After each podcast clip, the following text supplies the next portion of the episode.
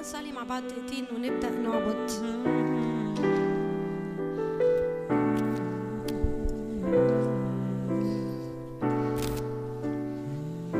يسوع أشكرك لأنك ملك السلام أشكرك لأنه بمجيئك لينا سلام ولينا مسرة أشكرك لأنك ملك السلام أنت رئيس السلام أنا بطلب أنك تيجي وتتولد في بيوتنا وفي قلوبنا إن ميلادك يكون حقيقة بنعيشها مش مجرد حاجة بنفتكرها مش طقس ومش موسم ومش فرصة إن إحنا نعيد وخلاص لكن نتذكر إن بدون الميلاد ده ما كانش هيبقى عندنا أمل إن يبقى في سلام في حياتنا ولا في مسره في قلوبنا. املك يا ملك السلام على حياتنا. أنت عمانوئيل الله معنا. أنت العجيب أنت مشير أنت إله قدير. ابا أبدي رئيس السلام. أنت ميلادك شق التاريخ نصين. النهارده بنفتكر الميلاد وبنفتكر إنه محتاجين ميلادك يا رب. محتاجين المسرة محتاجين السلام محتاجينك تملك. في أراضينا وتملك في بيوتنا وتملك في حياتنا.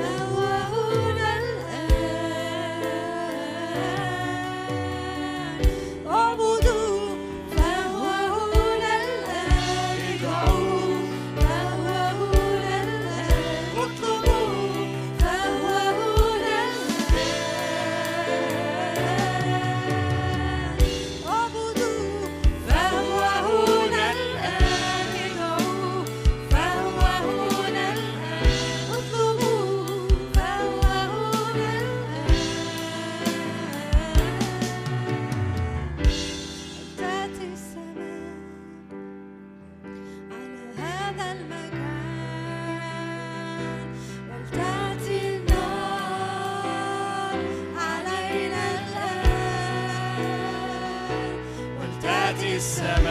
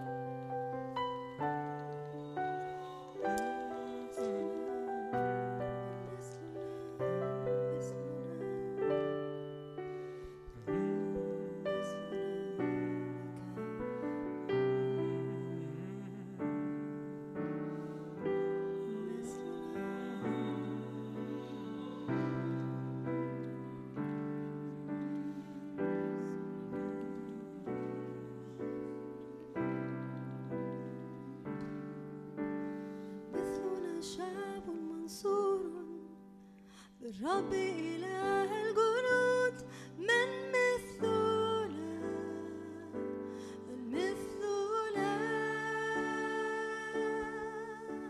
لا نخشى إن قامت حروب. أو هاجت علينا جيوش. الرب معنا هو معنا. من مثلنا شعبه من مثلنا شعبه منصور بالرب رب بالرب إله.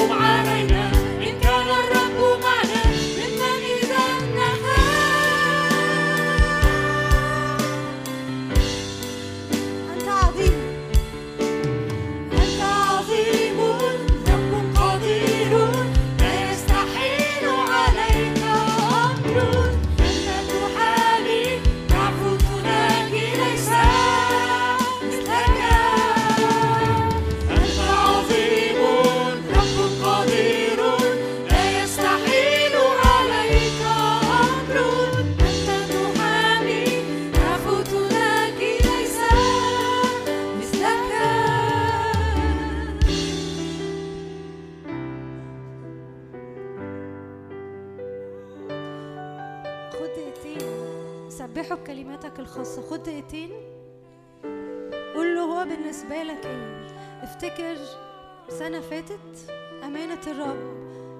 كل يوم كل يوم أمانة الرب في دخولك وفي خروجك معاك مع عيلتك مع أولادك في ظروفك في أمورك المادية في أمورك الصحية. أنت تحامي تعفو تنجي ليس مثلك. أنت تحامي. كم مرة حميت عني كم مرة أبعدت شر أنا ما شفتوش. جعلت أعدائي موطئ قدمي. أبحث عنهم فلا أجدهم. أنت راعي نفسي. أنت راعي نفسي. أنت عظيم. أنت تحامي. أنت تعفو. أنت تنجي. أقمت على صخرة رجلي ثبتت قدمي. من مثل الله يشور من مثل الله يشور الإله الأزلي الأبدي الأذرع الأبدية يحملنا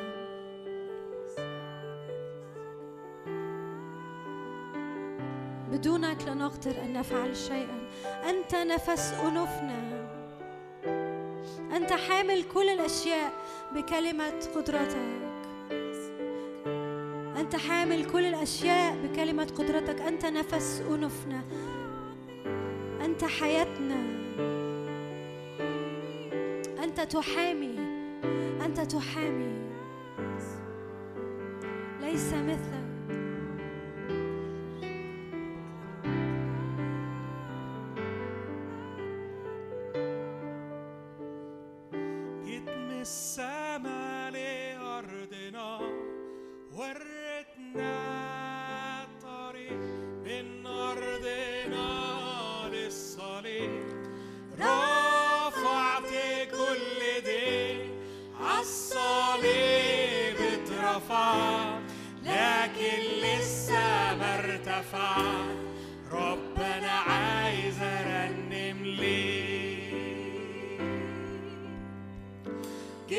جيت من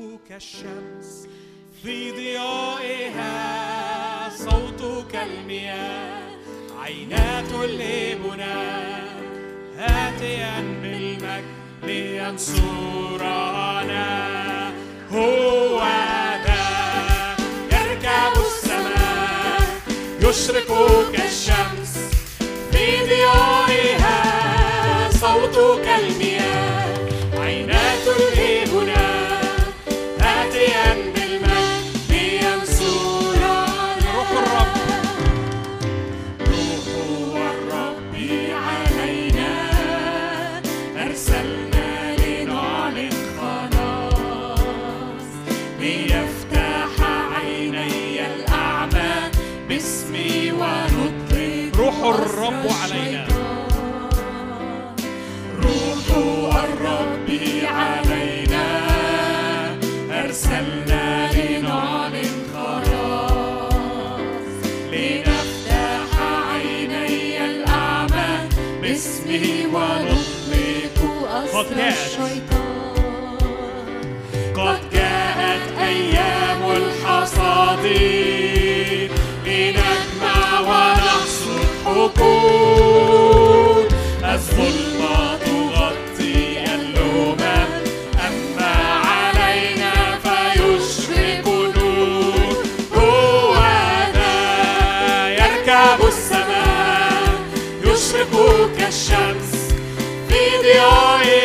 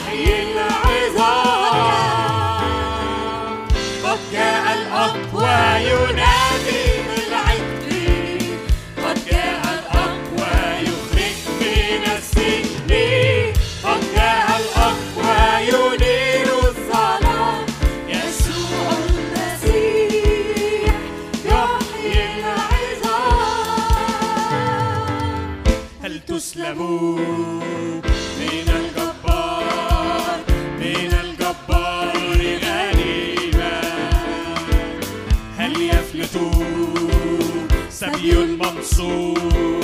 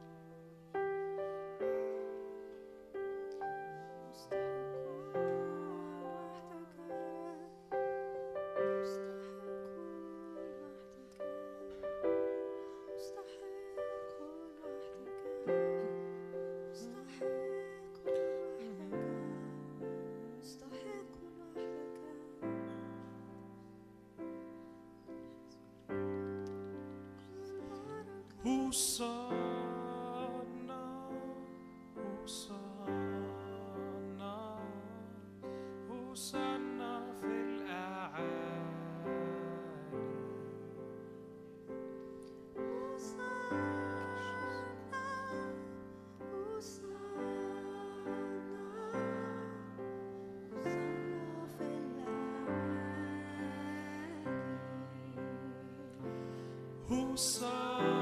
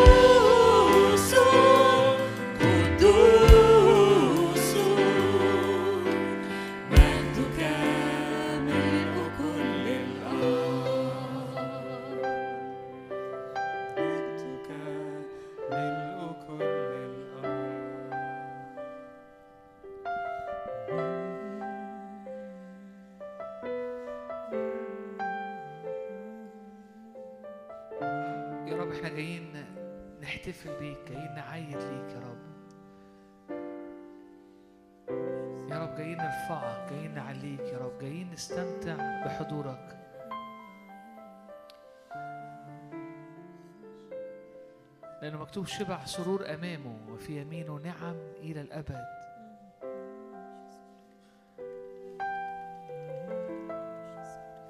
في عرش النعمة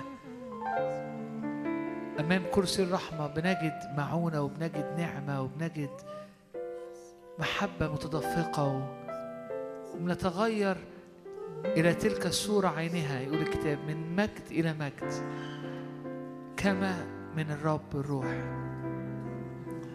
يا رب طلبتنا النهاردة يا رب للسنة الجديدة. خلي حضورك يملى عينينا. جوعنا ليك يا رب اشبعنا بيك احصرنا فيك.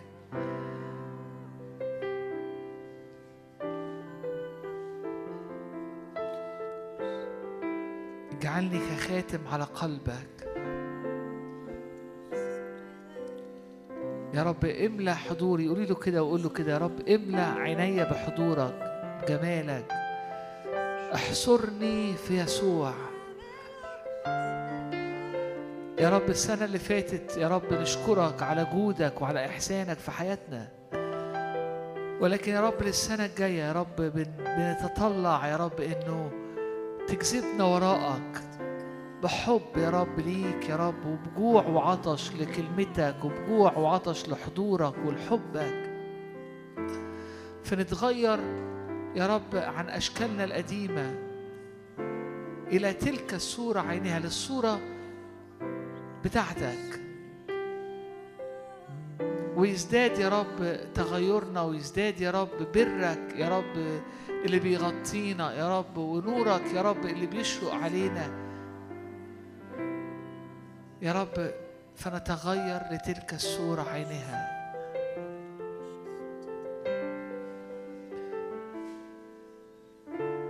يا رب إحنا بنباركك عشان المعجزة إنه الكلمة صار جسدا وحل بيننا. يا رب نصلي إنه إحنا نرى مجده. زي يا رب ما مكتوب ورأينا مجده مجدا كما الوحيد من الآب ممنوع نعمة وحقا قول له أنا عايز في حياتي أنا عايز في بيتي أنا عايز يا رب في مشاعري أنا عايز يا رب في دماغي أنا عايز في ذكرياتي أنا عايز يا رب في, في كل حاجة بلمسها. أرى مجدك أرى مجدك أرى مجدك يا رب أرى مجدك. لأن أنت جيت يا رب عشان كده.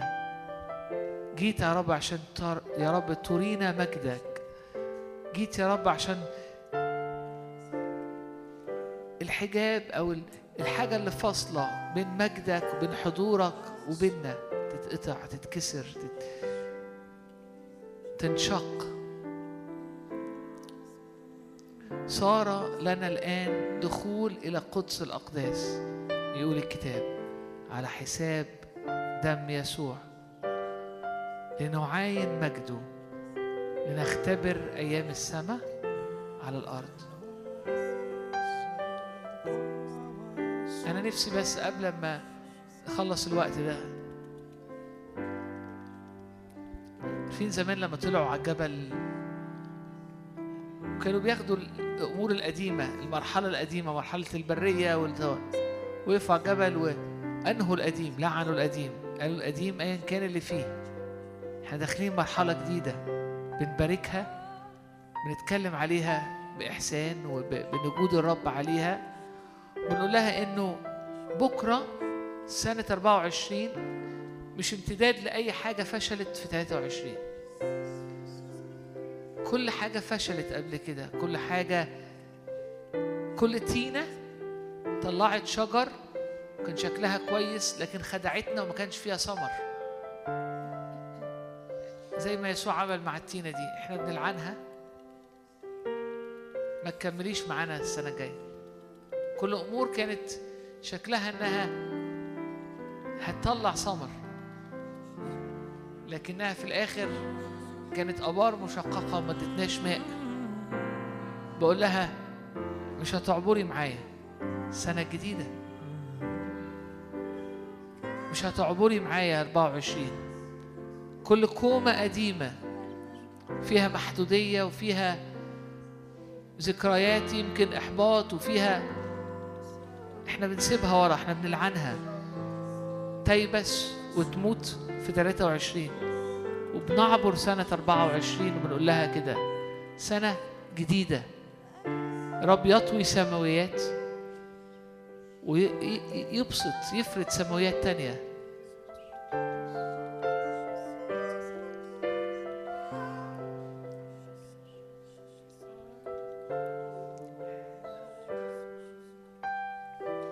لما الشعب عبر من أرض مصر عشان يخرج من مصر عبر في البحر الأحمر. فرعون وجنوده ما عبروش معاه. غرقوا. وأمور كتيرة ليها دعوة بالعبودية غرقت مع فرعون. فأنت بتعبر من 23 ل 24 قول رب وأنت بتعبرني. فرعون وجنوده وعبودية قديمة وأضعفات قديمة وأمور كتيرة. يا رب ما تعبرش معايا. ما تعبرش معايا.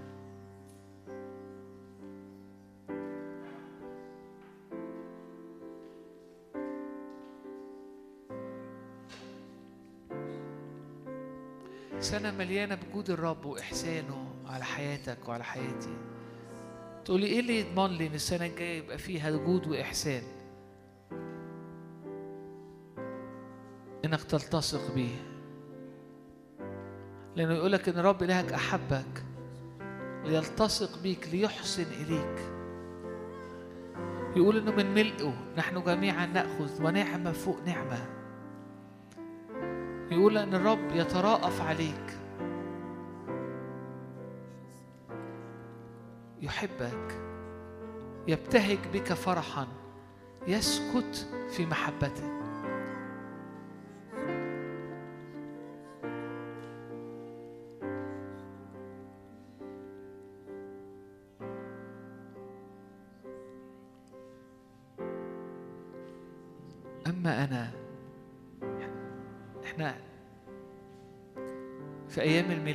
يسوع قال كده أما أنا فأتيت لتكون لهم حياة حياة الله.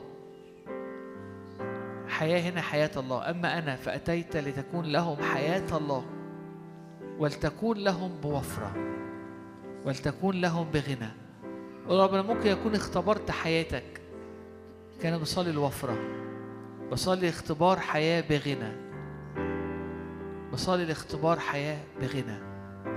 اختبار حياة الله بوفرة. هنكمل في في العبادة دقايق بس وإنت بتعبد.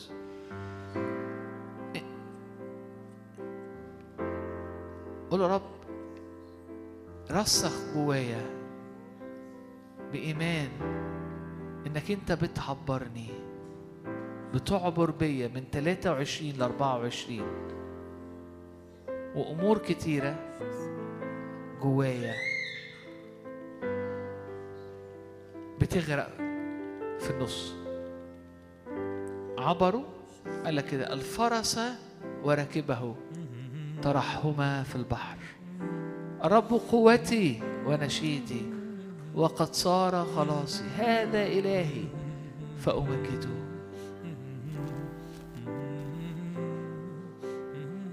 الفرس وركبه ترحم في البحر. تعب تعبر بنا يا رب من سنة لسنة. كل الناس هتصحى في يوم في يوم تلاقي نفسها في 24 لكن إحنا بنصلي إنه إحنا نعبر السنة وفي حاجات تغرق ما تعبرش معانا.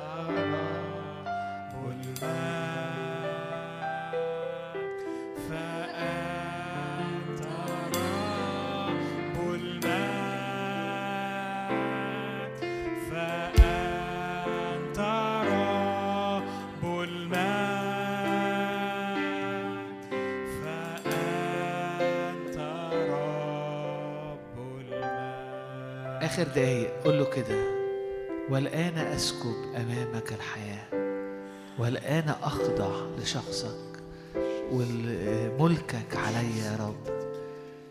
أنا جاي يا رب. جاي قدامك. يا رب بأخضع الكل. بقول لك امشي معايا أو أنا همشي معاك. أنا بسيب كل حاجة أنا كنت متمسك بيها وكل طرق في التفكير وكل حاجات قديمة. بقول لك الآن يا رب أخضع لملكك علي تعالى أملك تعالى أملك على حياتي. نفسي لو نعرفها نرنمها مع بعض. أسكب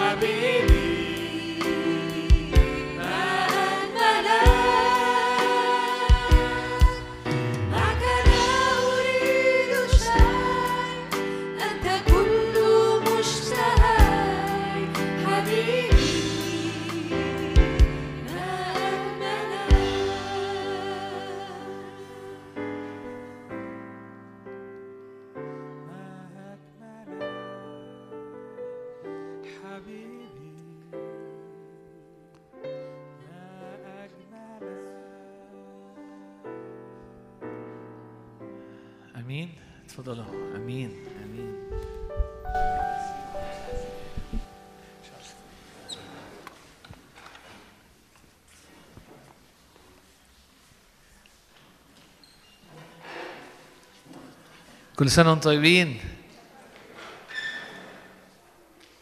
كل سنة وأنتم طيبين. ميري كريسماس منورين. قاعة جميلة.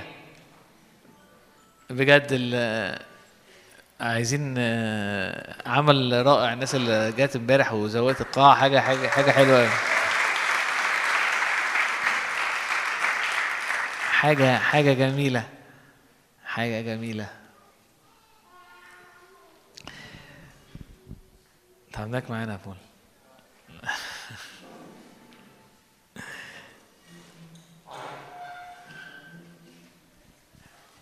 إحنا مبسوطين ان إحنا ان إحنا قررنا وقدرنا ان إحنا نعمل آخر اجتماع في السنة نعمل نحتفل فيه مع بعض. لأنه إحساس العيلة إحساس إنه عيلة الرب إحساس إنه إحنا مع بعض إحساس إنه سنة عدت آه، أكيد شفت فيها جود الرب وإحسانه حتى لو في حاجات كتير قوي تانية كانت موجودة. لكن في أكيد في أمور كان فيها الرب عمل معاك حاجات حلوة.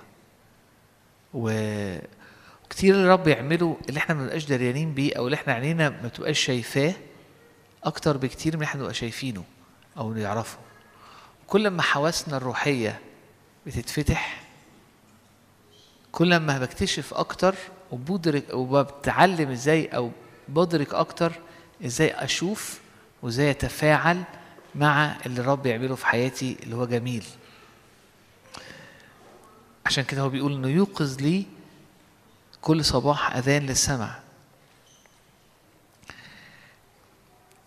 طيب أنا إحنا هناخد وقت هندي فرصة لمشاركات صغيرة خمس دقايق. آه، هناخد ك... إحنا ما عندناش وقت طويل قوي فكم حد هيجي يشارك وهنبقى فاتحين على ال group الواتساب انه لو حد يحب يشارك ب voice note أو بفيديو صغير أو ب... ب... ب... برسالة مكتوبة عن اللي الرب عمله عن حاجة تشجع مشجعة للي الرب عمله معاه فاكرين لما الرب شفى. شفى مجموعة كده من الرجال وخفوا واحد بس اللي رجع يشكره ويديه المجد. المعنى إنه يسوع قال كده جملة قال ده الوحيد اللي رجع يدي المجد. في الشهادة لما بنشهد عن الرب لما بن بن إحنا بنديله المجد. هو هو اللي علمنا ده. هو اللي قال إنه واحد بس رجع يدي المجد للرب. مهم إحنا هيبقى عندنا كام مشاركة مع بعض آه قصيرين؟ كل مشاركة تبقى خمس دقايق سبع دقايق. و... و... وجروب الواتساب اللي إحنا. اللي المفروض إن إحنا كلنا نبقى عليه أو إنه مفتوح لكل الناس اللي... هيبقى مفتوح الأيام الجايه إنك تشارك فيه لو عندك حاجة تانية عايز تشاركها. فإحنا هنبتدي بشيرين. هنبتدي بشيرين.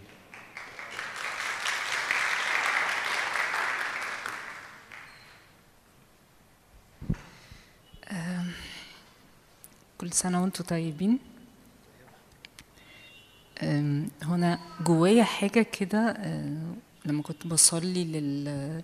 لليوم النهاردة أم، فكنت بصلي إنه الرب يدينا حاجة خاصة بالوقت بالسنة الجديدة 24 لينا كاجتماع اسكندرية أه، وتكون حاجة بي- بيقودنا فيها السنة الجديدة كلها.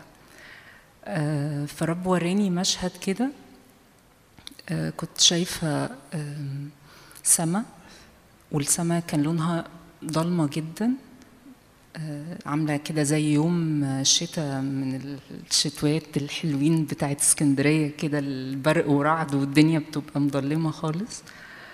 آه، وفجأة وسط ال- الضلمة وال والسحاب اللي مالي ال- السما دي فجأة ال- السحاب ده اتفتح. واتشق وشفت نور آه، اخترق الضلمة دي اخترق السحاب والسحاب ابتدى يوسع يوسع لحد ما النور ده ملأ ال- الدنيا كلها. آم، وبعديها الرب ابتدى يكلمني يقول لي إنه اللي حصل ده مش نور وبس ده نور ومجد وده اللي أنا عايز اخدكم فيه في 24 أنا باخدكم في رحلة مجد وابتدى الرب ياخدني آه، لحتتين كده في في الكتاب. أول حتة آه، كانت آه، في يوحنا أربعة واتكلم عن المشهد بتاع العازر لما مات و وإزاي مريم ومرسى الاتنين أول ما شافوا الرب قالوا له جملة واحدة لو أنت كنت هنا أخونا ما كانش مات. فالرب رد على مرسى وقال لها جملة قال لها لو امنتي هتشوفي المجد هتشوفي مجد الرب. ورب قال لي كل حد فيكم بيصدق إنه يشوف المجد هيشوفه. فكل حاجة عندنا إحنا مش شايفين فيها المجد دلوقتي ينفع تجيبوها عندي وتقولوا لي أيوه أنا مصدقه أنا مصدق إني هشوف في ده مجدك هشوف فيها إيدك. والمشهد التاني كان المشهد بتاع التجلي أه، في لقا 11 أم، الرب أخذ التلاميذ بطرس ويعقوب ويوحنا وناموا. وفجأة بطرس أول لما صحي شاف مشهد كده عمره ما شافه وعمره ما كان يحلم إنه حتى يشوفه شاف الرب واقف بشكل آه، أقل حاجة تتقال عنه إنه شكل مجيد آه، ثيابه آه، بيضة وما شافش بياض بال- بالمنظر ده وشاف معاه موسى وإيليا. والرب آه، في وسط المجد ده بطرس قال له كل اللي قالوا يا رب حلو قوي إن إحنا نبقى هنا إحنا نعمل ثلاث مظلات ونقعد بقى في الحتة دي. وفجأة اخترق المشهد ده صوت الآب وبيقول هذا هو ابني الوحيد له اسمعوا. واختفى موسى وإيليا وكأنه الرب بيقول لبطرس يا بطرس أنت مش فاهم. المجد اللي أنا جاي بعلنه مش المجد اللي موسى اختبره وقال لي وريني مجدك فشاف حتة صغيرة من مجدي ولا حتى المجد اللي إيليا اختبره آه، وكان واقف قدام مجدي وكان بيطلع يقول حي هو الرب اللي أنا واقف قدامه ال- الدنيا مش هتمطر الدنيا هتمطر. وعمل أول معجزة إقامة أموات. مش هو ده المجد اللي أنا جاي بيه. لا أنا جاي بمجد أعلى بكتير قوي من ال- المستوى ده. المجد اللي أنا جاي بيه مجد إنه تبقوا واحد معايا. مش بس إن أنتوا تشوفوا المجد يعني مش بس نشوف حتة كده صغيرة من المجد لكن أنا جاي علشان نبقى تبقوا واحد معايا تختبروا معايا نفس المجد ده فيا بطرس ضلك وانت ماشي بتتحرك بالمجد بتاعي اللي انت متحد بيه ضلك بيشفي من غير ما بتعمل حاجة. بولس وهو ماشي وبياخدوا منه المناديل المناديل يحطوها على مرضى المرضى بيشفوا. فهو ده المستوى بتاع المجد اللي الرب عايز ينقلنا فيه في ال 24 مش مجد إن إحنا نشوف المجد أو نشوف لمحات من المجد أو نختبر كده اختبار في مجد لكن إن إحنا نبقى متحدين بطبيعة الرب. الرب يسوع قال للتلاميذ كده قال لهم المجد اللي اداهوني الآب أنا بديهولكم. وده مش للتلاميذ بس ده لكل حد ولكل واحدة فينا. فالرب عايز ينقلنا من الحتة بتاعت موسى اللي بيقول له وريني مجدك للحتة بتاعت إنه نبقى متحدين معاه في مجده. الكهنة في العهد القديم أول ما الهيكل اتعمل ومجد الرب جه جوه الهيكل الكهنة ما استحملوش المجد. وكلمة مجد بالعبري معناها حاجة تقيلة حاجة كثيفة بتقع وكأنها لما أول ما بتنزل كده ما حدش بيقدر يقف ما حدش بيقدر يكمل واقف لكن كله بيسجد. فالرب عايز ياخدنا للحتة الأعلى بكتير قوي من اللي اختبروه المجد الكهنة. الحتة ياخدنا فيها إن إحنا نبقى متحدين معاه. لأنه هو ده اللي الخليقة مستنياه. هو ده انتظار الخليقة اللي الرب بيتكلم بولس كان بيتكلم عنه في روميا 8 انه انتظار الخليقة نستني الاستعلان بتاع أبناء الله. وقبلها في, في الآية اللي قبلها كان بيتكلم عن المجد إنه كل حاجة إحنا بنعدي بيها لا تقاس بالمجد العتيد أن يستعلن فينا. فالرب عايز المجد بتاعه ده يتحد بينا علشان يستعلن فينا فتفتدى الخليقة كلها. هشارككم بمنظر كده أخير. ده من كام يوم كده وأنا كنت بصلي يا رب أنا اديني كده حاجة مميزة قوي لل آه، للاجتماع وللكلمة اللي انت عطيتهاني حاجة تبقى يعني كأنها تأكيد. فده كان يوم السبت اللي فات كانت الدنيا آه، شتاء وكانت صعبة كده فده كان منظر السماء كانت عاملة كده واللقطة والدنيا مغيمة خالص وبعدين في لقطة بعديها.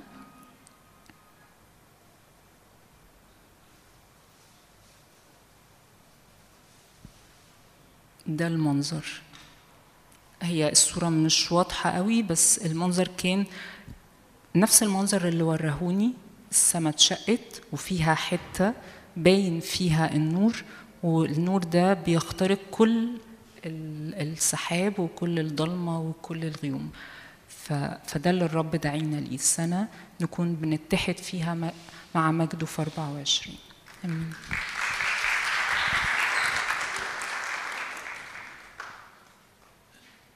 عمليا المفروض أنت على آخر السنة الجاية وإحنا كده قاعدين زي دلوقتي في 24 تبقى حاسس إن أنت أنا مش عارفني أنا أنا تحس إن أنا مش عارفني أنا مش عارف شادي. لأن شادي اللي أنا كنت عارفه كان مختلف. بس في حاجة فيا في طريقة تفكيري في طريقة مشاعري في طريقة بتتغير.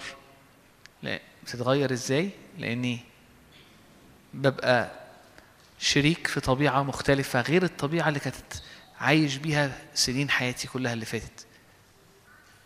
فأنا مش أنا. وده اللي الرب عايز يعمله معانا عايز يدخل عنصر فيا اللي هو يدخل مجده يدخل طبيعته. طبيعته تبقى مرتبطة بيا فأنا ما بقاش أنا اللي أنا عارفه. أبقى أنا حاجة تاني. وده ينفع يحصل؟ ينفع يحصل. ولو لو درسنا في ال في ال في التلاميذ هنكتشف إنه بطرس اللي بنقرأ عنه في الأول أول حياة يسوع غير خالص بطرس اللي بنقرأ عنه بعد كده في أعمال الرسل وطريقته. هو مش هو. صار إنسان مختلف. فأنت على مدار السنة ده يبقى إيمانك إنه أنت مش تبقى أنت هيحصل حاجة تانية. أنت مش بتاع زمان ولا بتاع السنة اللي فاتت ولا اللي قبليها. أنت بتتغير بنوع تاني خالص. آمين. آمين. طيب أميرة. أميرة.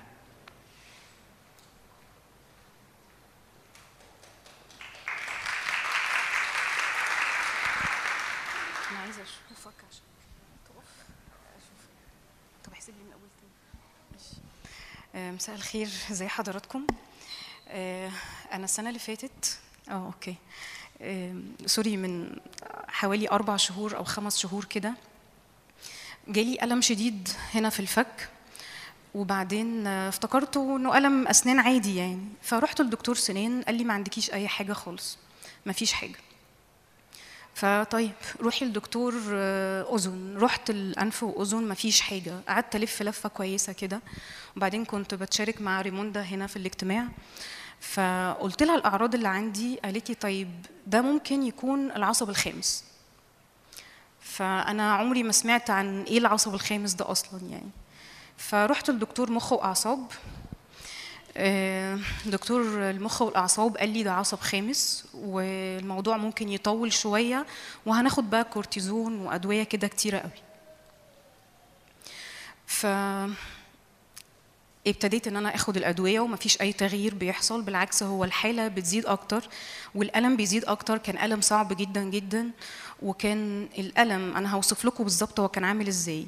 هي زي كهرباء بتيجي على مدار اليوم كأني بتكهرب هنا في المنطقة دي كده وكأنه في حد جايب سكينة وحاططها وعمال يدوس عليها. شوية الموضوع بقى أزيد كمان أكتر إنه أنا بقيت حاسة بتنميل في نص وشي. أنا مش حاسة بنص وشي خالص ما بحسش بيه. وفي نفس الوقت كان ألم رهيب. الألم كان واصل لدرجة إني ما كنتش بقدر أغسل وشي أنا ما بقدرش أضحك أنا ما بقدرش أعمل أي حاجة في اليوم. حتى المشي بيتعبني. أهز راسي بتعب جدا. الموضوع كان صعب قوي قوي بس في وسط ده كله أنا كان في عندي سلام. جوايا كان سلام عجيب جدا. أنا مش عارفة كان جاي إزاي لكن هو كان الرب اللي حطه جوايا. وبعدين الموضوع بقى بيزيد أكتر والألم بيزيد أكتر ولدرجة إن أنا كنت في أوقات أنا كنت بنزل على الأرض من شدة الألم والكهرباء الشديدة قوي اللي كانت بتجيلي كنت بعيط وقت كتير قوي وبصرخ على فكرة بصوت عالي جدا لأنه كهرباء ما بتروحش ألم شديد ما بيروحش. آه، رحنا لدكتور مخ وأعصاب تاني عمل لي اختبار المفروض إن هو بيقيس بيشوف ال الإحساس بتاعي هنا إيه وهنا إيه. فعمل آه، أنا هنا ما حسيتش بحاجة خالص. فقال لي إحنا لازم نعمل آه، أشعة بالصبغة على المخ لأنه كده ممكن يكون في حاجة يعني. فرفضنا الصراحة إن إحنا نعمل أشعة الصبغة دي. ما رضيناش إن إحنا نعملها. وبعدين قلنا طيب هنغير الدكتور ونروح لواحد تاني. رحنا لحد مخ واعصاب تاني. فهو جاب منديل كلينكس خفيف قوي كده بيمشيه على وشي. أنا كنت مش قادرة أستحمل. أنا ما بقدرش أستحمل أنا نفسي ما بقدرش ألمس وشي كده نهائي. آه، طلب مني أشعة رنين برضو على المخ. آه، وأدوية أنا كنت باخد أدوية جدول. ما كانتش بتعمل حاجة. مسكنات قوية جدا جدا. يعني ما كانتش بتعمل أي حاجة خالص. وبعدين كان في اليوم هنا اللي كان فيه جون والخدام. آه، أنا قلت بقى إيه أنا هاجي أستخبى هنا ورا الستارة علشان أنا مش عايزة حد يسلم عليا لأني لما حد بيلمسني أنا بتوجع ألم بشع. أنا كنت بوصف الوجع كده إنه أشد أنا شفته أشد من وجع الولادة اللي أنا تعرضت له يعني. فاستخبيت هنا ورا وبعدين الخدام كانوا جم صلوا لي ميشو وهالة وأندرو كانوا بيصلوا معايا. أنا فاكرة كويس قوي هالة جت صلت معايا وحضنتني وهي بتصلي وقالت لي كلمات. أنا الكلمات دي هزتني وحسيت إنه في حاجة بتتحرك. يعني أنا حاسة إنه في حاجة. بالمناسبة معلش أنا آسفة أنا نسيت حاجة بسيطة كده. أنا رحت للدكتور فك لأني ما كنتش بعرف أفتح فكي وفي ناس هنا كتير شافتني اليوم ده وكانوا عارفين من قبليها إن أنا ما كنتش بقدر أفتح الفك وعملت أشعة والأشعة معايا كان عندي إجهاد في عضلة الفك. الدكتور قال من كتر ال- العصب هو بيرسل إشارات طول الوقت طول الوقت فال- فالعضلة حصل لها إجهاد شديد فأنا مش بقدر أفتح فكي. طلب مني إن أنا أحط إيدي آه، ما اتكلمش.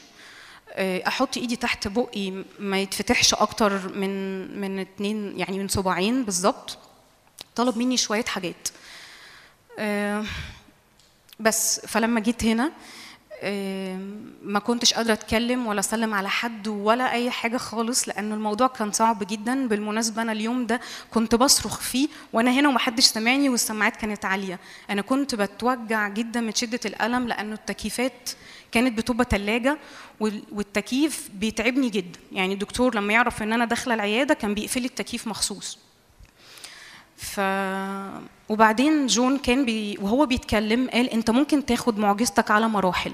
أنا صدقت ان أنا هاخد المعجزة بتاعتي كده. فجي صلى لي اول مرة وبعدين إيه طلب مني قال لي حطي إيدك على وشك. طبعا أنا قال لي حطي إيدك على وشك ده أنا مش قادرة ألمس وشي أصلا. فأنا حاطه إيدي بعيد كده اللي هي الناحية دي ناحية ال- الحتة اللي بتوجعني.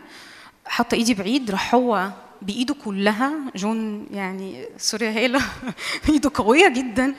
بكل قوته أنا لقيته دايس على وشي بطريقة رهيبة. بعد لما خلص صلاة أنا قعدت أعمل كده. أنا سليمة ولا الدنيا فيها إيه؟ فنشكر ربنا. أنا بدأت أحس إنه في حاجة اتغيرت. يعني التنميل اللي كان موجود بدأت أحسس كده. لا أنا حاسة شوية شوية. وبعدين بدأت أفتح فكي اجرب إن أنا أفتحه قدرت أفتحه حاجة بسيطة. فأنا بقيت مش عارفة يعني أضحك. أنا بالمناسبة ما كنتش بضحك لأن عضلات وشي كانت بتتحرك. كان عندي حركة لا إرادية في نص وشي فما كنتش بعرف أضحك. ف أجي كده. بس. وبعدين لف اللفه كمان.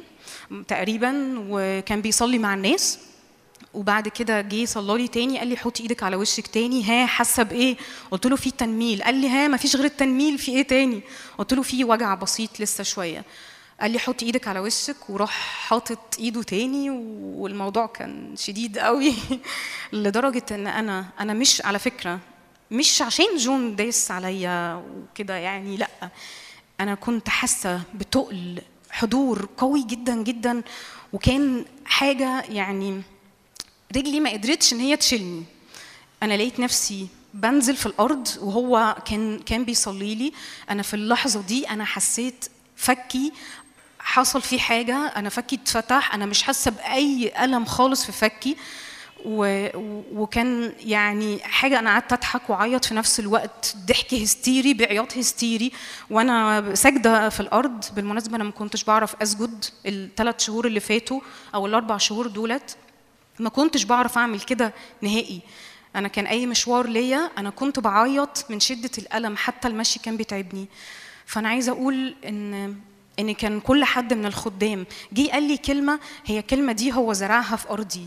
هي اتزرعت. وكأنه جه جون كده يعني آه، كان في تقل مجد حضور وحصل حاجة في الوقت ده واخدت شفاية. أشكر الرب أنا من وقتها وأنا عارفة أحرك فكي أنا بعرف أعمل كل حاجة بطبيعة جدا مفيش أي معوقات. أشكر ربنا. آمين. فاكرين بعد بعد على طول العبور آه، وبعد ما غنوا ورنموا يقولوا إنه إنه بعد كده آه، مشوا وقت طويل آه، في ثلاث أيام في البرية فجاءوا إلى ماره بقالهم ثلاث أيام في برية في صحراء عطشانين وصلوا ماره لم يقدروا أن يشربوا الماء من ماره لأنه مر فصرخوا إلى الرب. في أوقات زي اللي حصل. زي اللي حصل هنا مع أميرة. في أوقات في حياتنا بنعدي في حتت وإحنا ماشيين ورا الرب والأرض دي في مكان بيبقى فيه ماره الأر- المية المفروض تكون مية عذبة هي مر- مية مرة. مية مرة يعني فيها مشكلة محتاجة تعالج. مش ده قصد الرب. بس يقول لأنه موسى كان موجود ولأنه موسى كان بيعرف في خط بينه وبين الرب. فيقول الكتاب إنه الشعب ابتدى يتذمر وده الرد فعل الطبيعي لأي حد بيتعامل مع الرب إن الرب كأنه حاجة بعيدة. فأنا أنا ماشي ورا الرب مع الناس لكن لما بتيجي حتة فيها مرة فيها مشكلة فيها عيا فيها فأنا في الأول من التعب ومن المضايقة ببتدي أحس إنه هو في إيه فالغضب بيروح ناحية الرب أو ناحية لأني تعبانة. ولكن موسى كان مختلف. الكتاب موسى كان بيتكلم في الأوقات أهم الأوقات دي تبقى أهم أوقات إن أنا بكون بتكلم مع رب وبسمع منه. فالرب قال له كده يقول صرخ موسى إلى الرب فأراه الرب شجرة فطرحها في الماء فصار الماء عذبا هناك. طبعا الشجرة بتتكلم عن الصليب بتتكلم عن عمل الرب. بس الفكرة هنا إنه الرب أراه الحل وهو اتحرك فالمية اتشافت. المية اتشافت. المر راح. وهناك قال كده اهو وأضع له فريضة وقال إن كنت تسمع لصوت الرب إلهك وتصنع الحق في عينيه وتصغى إلى وصاياه وتحفظ جميع فرائضه فمرضا مما وضعت على المصريين لا أضع عليك لأني أنا الرب شفيك. ف في أمور ساعات ممكن نعدي فيها وإحنا ماشيين ورا بتبقى مرة. ولكن مش قصد الرب إن المرة دي تفضل مرة لكن الرب من خلال اللي عمله على الصليب عايز يوريني حاجة أو يتكلم معايا فأتحرك فيحصل شفاء للحتة اللي فيها ماره والجزء المهم قوي الفريضة اللي هو قالها له إيه؟ إن كنت تسمع لصوت الرب إلهك. يعني لو أنت حياتك عبارة عن شا إن أنت حياة بتسمع من الرب وبتتحرك بتسمع من الرب وبتتحرك. هي دي دي طريقة حياتك. كنت تسمع لو انت عايش حياة نبوية عايش حياة كأنك يعني أنا كلمة نبوية يعني أنت بتسمع من الرب تسمع لصوت الرب إلهك. خرافي تسمع صوت في الحياة اليومية. كنت تسمع لصوت الرب إلهك وتحفظ وتصنع الحق في عينيه أنت هتسمع وتمشي هتسمع وتتحرك. إيه النتيجة؟ مرضا ما وضعته على المصريين. في نهر من الشفاء هيبقى دايما بيتحرك في أرضك فاللي كان محطوط على المصريين وما بيتغيرش انت معاك مش هيكون كده هيبقى في نهر بيشفي. وضعته على المصريين لا أضع عليك. ليه؟ لأني أنا هكون ليك هستعلن ليك كيهوى رفا الرب الشافي. أمين؟ فإحنا سوري التعليق طويل شوية بس عايزين عايزين نشوف ده خلال السنة. كل مرة هنعدي بيها هنعرف هن... لأن هنسمع ولاننا بنتحرك ورا الصوت وبنسمع ونتحرك ورا الصوت حياتنا اليومية. فمرة هتتعالج. صح؟ مرة هتتعالج. أمين؟ والرب يستعلن في وسطينا إنه أنا الرب شفيك. أمين؟ أمين. طيب ديفيد.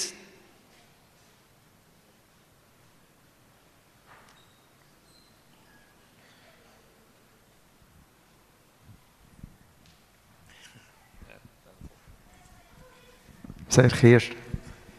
كل سنة وأنتم طيبين. إيه الأخبار؟ آه، جوايا آه، هشارك حاجتين آه، مش هطول يعني خمس دقايق بس آه، جوايا إنه السنة الجديدة كده آه، واللي أنا مليان بيه للسنة الجديدة إنه آه، آه، مزمور 21 عدد ثلاثة بيقول وضعت على رأسه تاجا من إبريس. ف آه، هقرأ آيات في رؤيا أربعة أنا إيماني إنه السنة دي 24 ليها علاقة بال... بالتيجان، التيجان في الكتاب المقدس بتحكي عن حاجات كتير قوي، بتحكي عن المكافآت، بتحكي عن السلطان. آه، رؤيا أربعة بيقول كده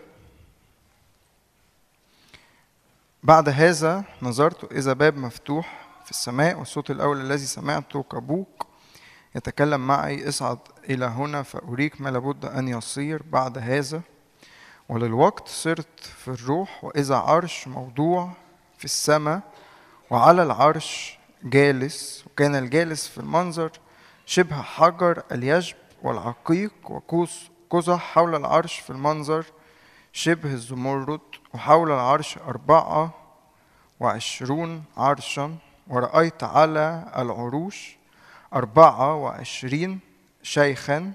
وحالتهم بقى عاملين إيه؟ جالسين متسربلين بثياب بيض وعلى رؤوسهم أكاليل من ذهب.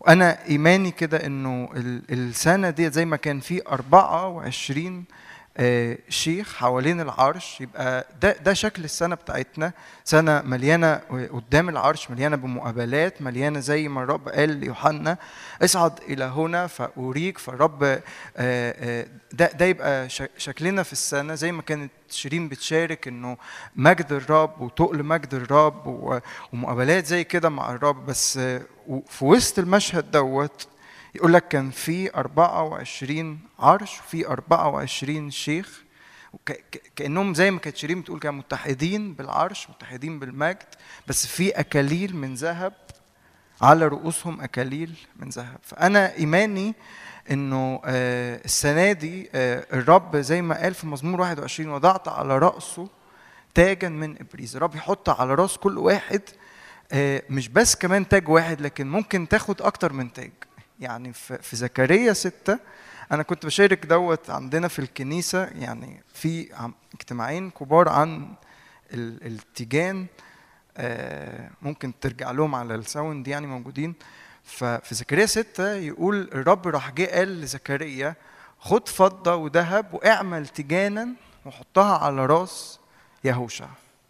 فدي كانت نتيجة إنه آه، إكرام ليهوشع لما الرب قال له لو لو لو عملت آه، وصاياي ومشيت في طرقي وزي ما كان شادي بيحكي في مر لما راحوا مرة ف راح بعديها ده كان في زكريا ثلاثة بعديها الر- الرب قال له في زكريا ثلاثة لو عملت كده أنا هأتي بعبدي الغصن. كان عبد الغصن هنا بيحكي النبوة في البعد القريب بيحكي عن زروبابل اللي هيجي هيبني الهيكل بس هي نبوة عن الرب يسوع هو الغصن. ف آه، فبعديها في عدد في إصحاح ستة في زكريا راح الرب قال بقى ليهوشع قال لزكريا خد ذهب وفضة واعمل تيجان وحطها على راس يهوشع وقال له أهو عبدي الغصن أهو. يعني كأنه مكافآت كل كل حاجات سكك إحنا مشينا فيها ورا الرب في مكافآت. بعدين قال له التيجان دي خليها كده تذكار في هيكل الرب. آه معنى تاني هاخده سفر العدد. سفر العدد إصحاح 25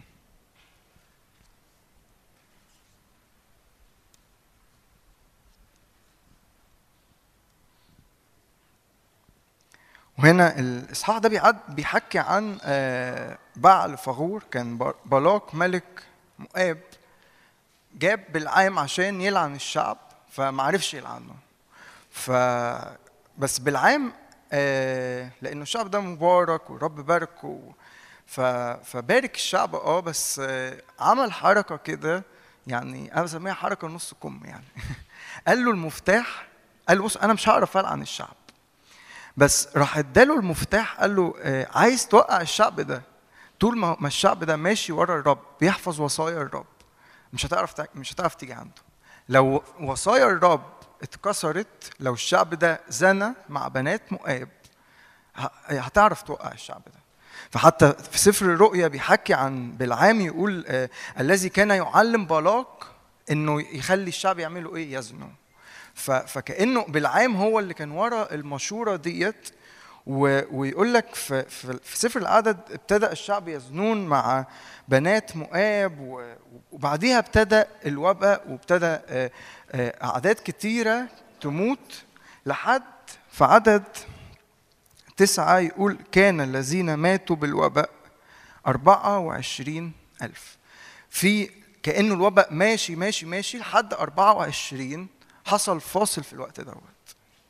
و- وكأنه آه، ليه ده بقى حصل؟ بسبب واحد اسمه فنحاس غار غيرة الرب وقف كده وقال لا ده ده فبعديها الرب قال بسبب إنه فنحاس عمل كده رد سخطي في عدد 11 بكونه غار غيرتي آه، فأعطيه بقى ميثاقي ميثاق السلام يكون له ولنسله ميثاق كهنوت أبدي.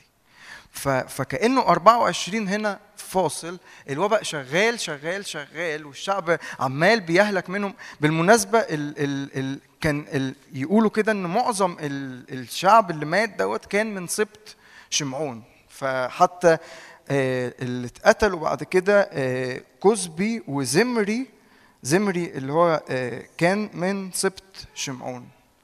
ف حتى في وانت بتقرأ سفر العدد في تعدادين للشعب. في التعداد الأول هتلاقي إنه شعب آه، آه، سبط شمعون عدده كبير جدا في الأول. في آخر سفر العدد في في التعداد الثاني للشعب سبط شمعون قل جدا وسبط شمعون لو انت تقرأ كان ليه بركة في تكوين 49 بس في تثنية 33 السبط الوحيد اللي ما تلاقيش إنه ليه بركة. يعني موسى بارك كل الأسباط ما عدا سبط شمعون وفي الأغلب بيقولوا بسبب الموقف دوت. ف لكن أنا إيماني كده في السنة دي نقف زي في نحاس نغير غيرة الرب. إيماني فيه تحول كده. وكمان عشان ما يحصلش زي شمعون ونفقد من البركة. لكن أنا بحب واحد بقى اسمه يوسف. يوسف لما لما اتقال عنه لما تبارك يعقوب باركه في تكوين 49 اتقال عنه كلمة كده نذير اخوته وتكررت نفس الكلمة تاني في تثنية 33 إنه كان نذير اخوته برضه. يعني الآية دي وقمة نذير اخوته قمة دي بالمناسبة جاية في الأصل بتاعها معناها تاج. ف آه، فضل كأنه يوسف بقى مكمل نذير ورا الرب وتعدي بقى السنين والأيام والسبط يكبر وبدل ما يعقوب كان بيبارك يوسف لوحده يبقى سبط كبير بس ما فقدش الدعوة اللي على حياته إن هو نذير للرب. فأنا إيماني كده آه، السنة دي آه، نقف كده زي في نحاس آه، نقف قدام العرش في في تيجان في سلطان في مكافآت وفي آه، غيرة للرب انه اقف كده. وكل تحول كل أمور من العدو أو في كل وباء أو كل حاجة 24 يبقى فاصل. أمين؟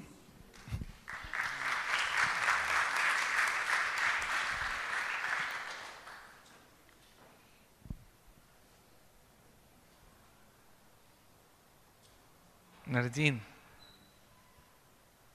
ناردين تاني خفيفة آه،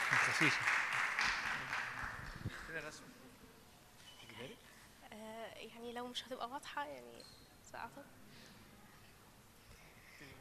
يا مساء العسل كل سنة وأنتم طيبين عاملين إيه؟ أنا ناردين تانية فنون جميلة الرب دعيني قوي وزقني في حتة الرسم النبوي وكنت استقبلت الرسمة دي للسنة الجديدة استقبلتها هنا في الاجتماع كانت الخدمة من ثلاثين كانت على ديفيد وكان آه، قال في تثنية 8 7 إن آه، الرب إلهك آت بك إلى أرض جيدة. فده إيماني وده زي ما شيرين شاركت وزي ما ديفيد دلوقتي شارك وزي ما شادي شارك إن الرب آه اللوحة فين؟ راح الأرض الجيدة وسابني هنا إن الرب آت إلى أرض جيدة ف خلينا مصدقين في ده إن فعلا السنة الجاية هتكون سنة سرعة روحية يعني ده إيماني وده اللي الرب ماليني بيه فيها سرعة. فلو اللي يعني الله ينور.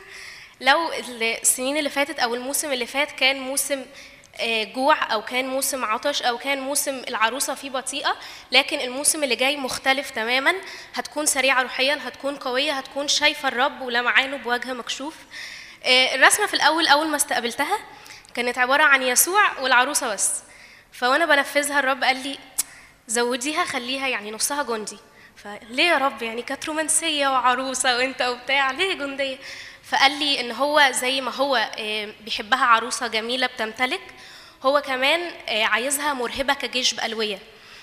عايزها عينيها مفتحة شايفة أرضها إيه شايفة هي مين فيا وشايفة أنا إلهها مين. آه، عروسة غلبتها ونصرتها من غلبتي أنا الأسد الغالب. آه، فعروسة تكون بتمتلك آه، زي الجندي بتكون واقفة على أرضها بتحارب أرضها. مش أي غريب يخش الأرض ويكون متملك فيها أو ماسك فيها لكن كاشفه وعارفة الأرض ديت إيه.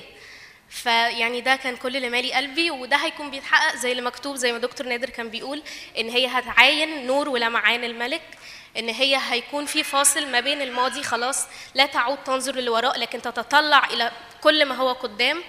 إن هي متسلطة وجندية وبتحامي عن أرضها وكاشفة العدو إيه غرضه يعني وكاشفة عارفة عارفة هي مين. إبليس مش هيقدر يضربها في نفسها ولا هيقدر يضربها فيه هو في يسوع نفسه ولا يقدر يخليها تشتكي عليه. لكن عروسة واعية عينيها مفتوحة وهتكون سنة إسمار. هي ماشية وسط حصاد كتير.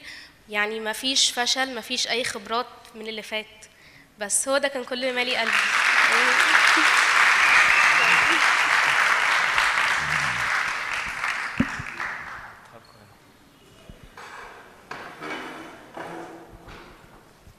أمين. أمين. جميلة الصورة.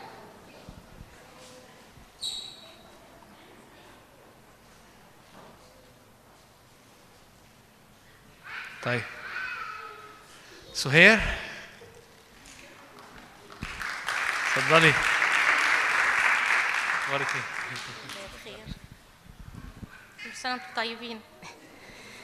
آه، حابة يعني أشارك آه، هي هو الاختبار دوت من من مدة كبيرة بس الرب متقل على قلبي أقوله لأن دي كانت بداية آه، زرع ثمرة الإيمان فيا وإن أنا أثق فيه وكده. فحبيت إن أنا أشاركه النهاردة لأن الآية اللي الرب حطها على قلبي ساعة الاختبار ده أحدث بعمل الرب. فأنا من ساعتها ما, ما عملتش كده بصراحة لأن كان وقتها ما فيش اجتماعات كنايس قليلة الأحداث بقت تجري. فلما جت الفرصة النهاردة فكنت لازم يعني أشارك بيه. آه، الفترة اللي هي بتاعت كورونا دي آه، الرب قبلها يعني الرب قبل الفترة ديت آه، اداني صوت قال لي عناية إلهية أنا قمت على الصوت ده. عناية إلهية وسيف الروح. فأنا وقتها ما كنتش فاهمة يعني طب أعمل إيه؟ عناية إلهية. فأنا كنت الوقت ده متوترة. مش عايزة جوزي يكون بيجيله كورونا لأن هو عنده ضغط عنده سكر عنده تليف على الرئة فأنا كان كل همي إن هو ما يجيلوش الحاجة ديت. فكانت هتبقى حاجة صعبة يعني. فلما سمعت عناية إلهية قلت طب حلو يا رب يعني ده إحنا كده مش هيجيلنا. ف وسيف الروح فايه قلت أكيد الرب هيوضح يعني. بعدها بكام يوم قمت على الآية لا أموت بل أحيا بل أحدث بعمل الرب. فأنا بقول لبنتي الموضوع دخل على موت ولا إيه؟ في إيه؟ بس أنا عارفة إن مهما كان أنت معايا حتى لو وصلت لحافة الموت. بس فبعدها بكام يوم اتفاجئنا إن إحنا الأربعة جالنا كورونا. ف رحنا عملنا إشاعات وكده فالبنتين نشكر ربنا كان الوضع خفيف. أنا يعني برضو خفيف كويس ميشيل اللي كان حالته صعبة قوي. فقلت يا رب أنت اديتني الآية ديت وأنا واثقة فيك وواثقة يا رب مهما حصل فأنت مش هتوصله للي وعدت بيه. آه، فرحنا لدكتور فاداله كورتيزون واداله حقن وأدوية وكده. ومشينا عليها. بعد كده الأدوية خلصت. المفروض هروح استشارة. لقيت الدكتور فجأة قفل العيادة وم- ومش موجود. طيب إحنا دلوقتي عايزين نكمل مع دكتور تاني. فروحنا لحد تاني. ف... ف هو شافه شاف تحاليله وشاف الاشاعه بتاعته ففضل يبص كده ويعمل كده يبص ويعمل كده. فيعني في إيه؟ طب هو كده للدرجة دي إن الحالة ما فيش منها يعني أمل؟ اللحظات دي كانت صعبة قوي صعبة عليا. كنت أنا في إيده. بس فقلت لهم بعد كده يا بنات مش هينفع بقى الوضع دوت. فقعدت وصلينا مع بعض وكده. فلقيت نارجين بتعيط وتتنط عمالة تتنطط. بقول لها في إيه يا نارجين قالت لي ماما أنا شايفة كبرى كبيرة وإحنا صلاتنا بتطلع زي أسهم نار. كل ما بنصلي كل ما الأسهم دي بتجري عليها كل ما الكبرى دي بتقل تقل تقل ولحد ما مشت وشايفة أمواج أمواج زي مية أو أمواج كده بتجري بتروح لأوضة بابا. وزي ما يكون زي صخرة أو حاجة وبتبتدي الصخرة دي تتحرك وبيطلع منها نور. ففرحت جدا طبعا من من من حاجة زي كده إن إحنا صلاتنا فرقت فرقت جامد. وغير متاهة الدكاترة من دكتور لدكتور من دكتور لدكتور وكل واحد بي بي بي زي ما يكون بيقول لك لأ يعني الوضع صعب طبعا. وكان في من ضمن الدكاترة واحد بقى يعني دوت اللي, اللي مش عايزة أقول رعبني بس أنا كبشر لازم يعني لازم أحس بالشعور دوت فالدكتور ده قال لي لأ ده لازم يتحجز. ده هيروح عناية. وقتها افتكرت لما الرب قال لي عناية إلهية. طب يا رب في عناية إلهية ليه مشيل يروح عناية؟ ما عنايتك موجودة. إيه، فلازم يروح العناية لازم يتظبط له ضغط لازم يتظبط هو عنده ضغط وعنده سكر لازم يتظبط سكر. إيه، الدنيا دي كلها لازم لها عناية. فطبعا لما استشرنا بعض وإخواته وكده فراح قال له لأ أخونا ما يدخلش العناية. وكان وقت ساعتها الدنيا بقى طايحة بقى, بقى ما فيش حتى اهتمام وما بياخدوا الناس يرموها بقى. فقالوا لا إحنا هنجيب لك أنبوبة أكسجين في البيت وكل اللي هتطلبيه هنجيبه لك طب يا جماعة أنا ما بعرفش أمرض عمري ما وقفت على أنبوبة أكسجين ما أعرفش إيه الكمية اللي المفروض ياخدها. لا إحنا هنقول لك ف جابوا كل حاجة بقيت أدخل أشوف اتعلمت بقيت أنا أحط له الأكسجين وياخد كمية معينة ونشيلها لأن لما الكمية بتعلى بيبقى ده خطر. يعني فوق 99 لو زادت يبقى ده كده أنا بضره. فبفضل واقفة لحد ما أشوف المؤشر. فضلنا على الوضع دوت. بس فكل بالليل كنت بصحى كل ساعة المفروض كل ساعة أقوم أقيس الأكسجين لأن أكسجينه كان 87 فلازم كل ساعة أقوم أشوف كل ساعة. ولو قل شوية لازم أحط له تاني الأسطوانة النفس. في كل ده أنا كنت برضو أخدة دور كورونا. والبنات اخدينه بس أنا ما كانش هاممني لا أنا ولا ولا هم. لأن أنا عارفة يعني إن إحنا لينا دعوة والرب مسيج علينا. بس كل همي وخوفي كان على مشيل. فيعني إحنا بقى لما صلينا وناردين شافت ال- الرؤية ديت فبدأ بقى هو قعد بتاع شهر في البيت ما ما ما, ما بيتحركش تعبان. ومن ضمن الدكاترة برضو اللي اللي هو اللي قال لنا روحوا احجزوه دوت قبل ما ينزل كان ميشيل في التواليت قاعد على حرف البانيو وساند على الحوض وما بيعملش حاجة غير رغاوي بتطلع من بقه. هو ساعتها قال لي قال لي أنا كنت بوصي الرب عليكم. كنت بقول له خلي بالك من البنات خلي بالك من سهير. فقلت له ما تخافش يمشي الرب مدينا وعد هو هيقف معانا هو مش هيسيبنا.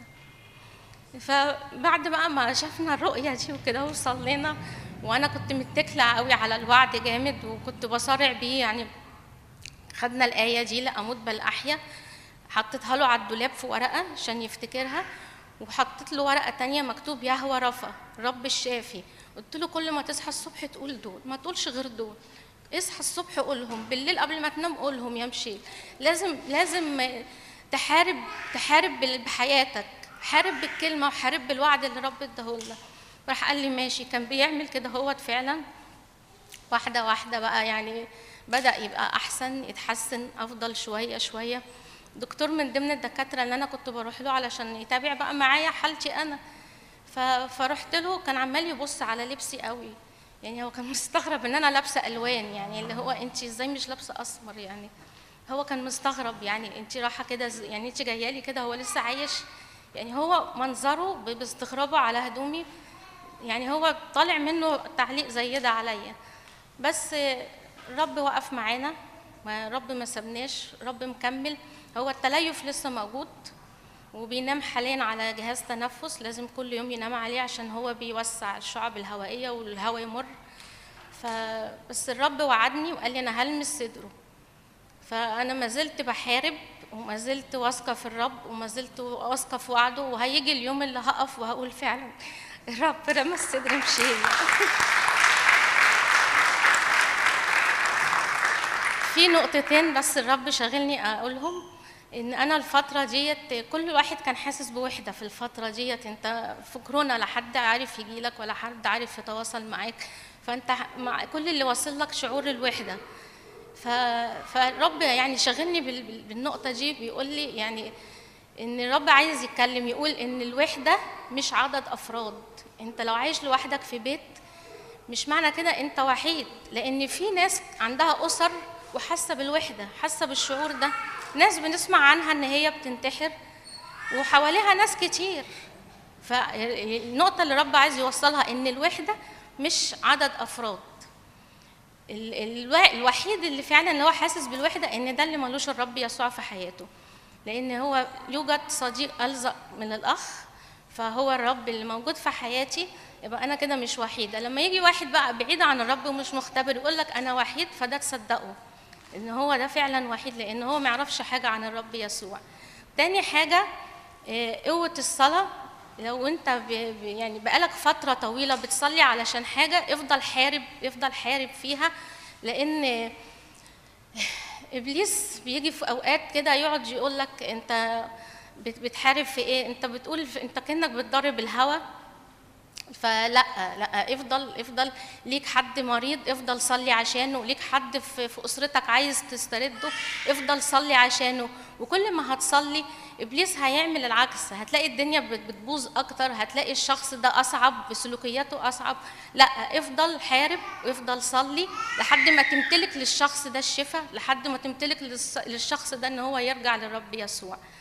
فهو ده اللي كان على قلبي يعني أوصله النهارده.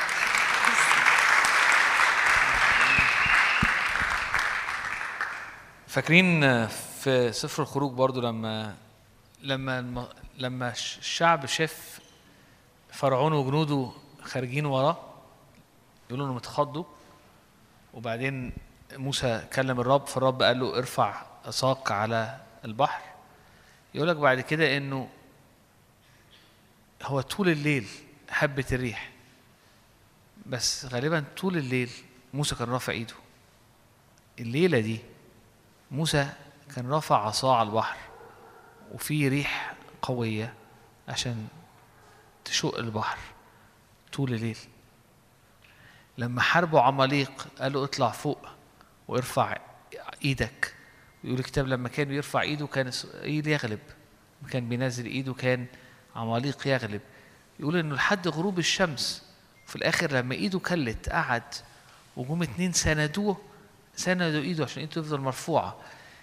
بمعنى عايز أكد اللي هي كانت بتقوله إنه أنت ينفع تصلي وتصلي وتكمل صلاة وياخد أوقات طويلة.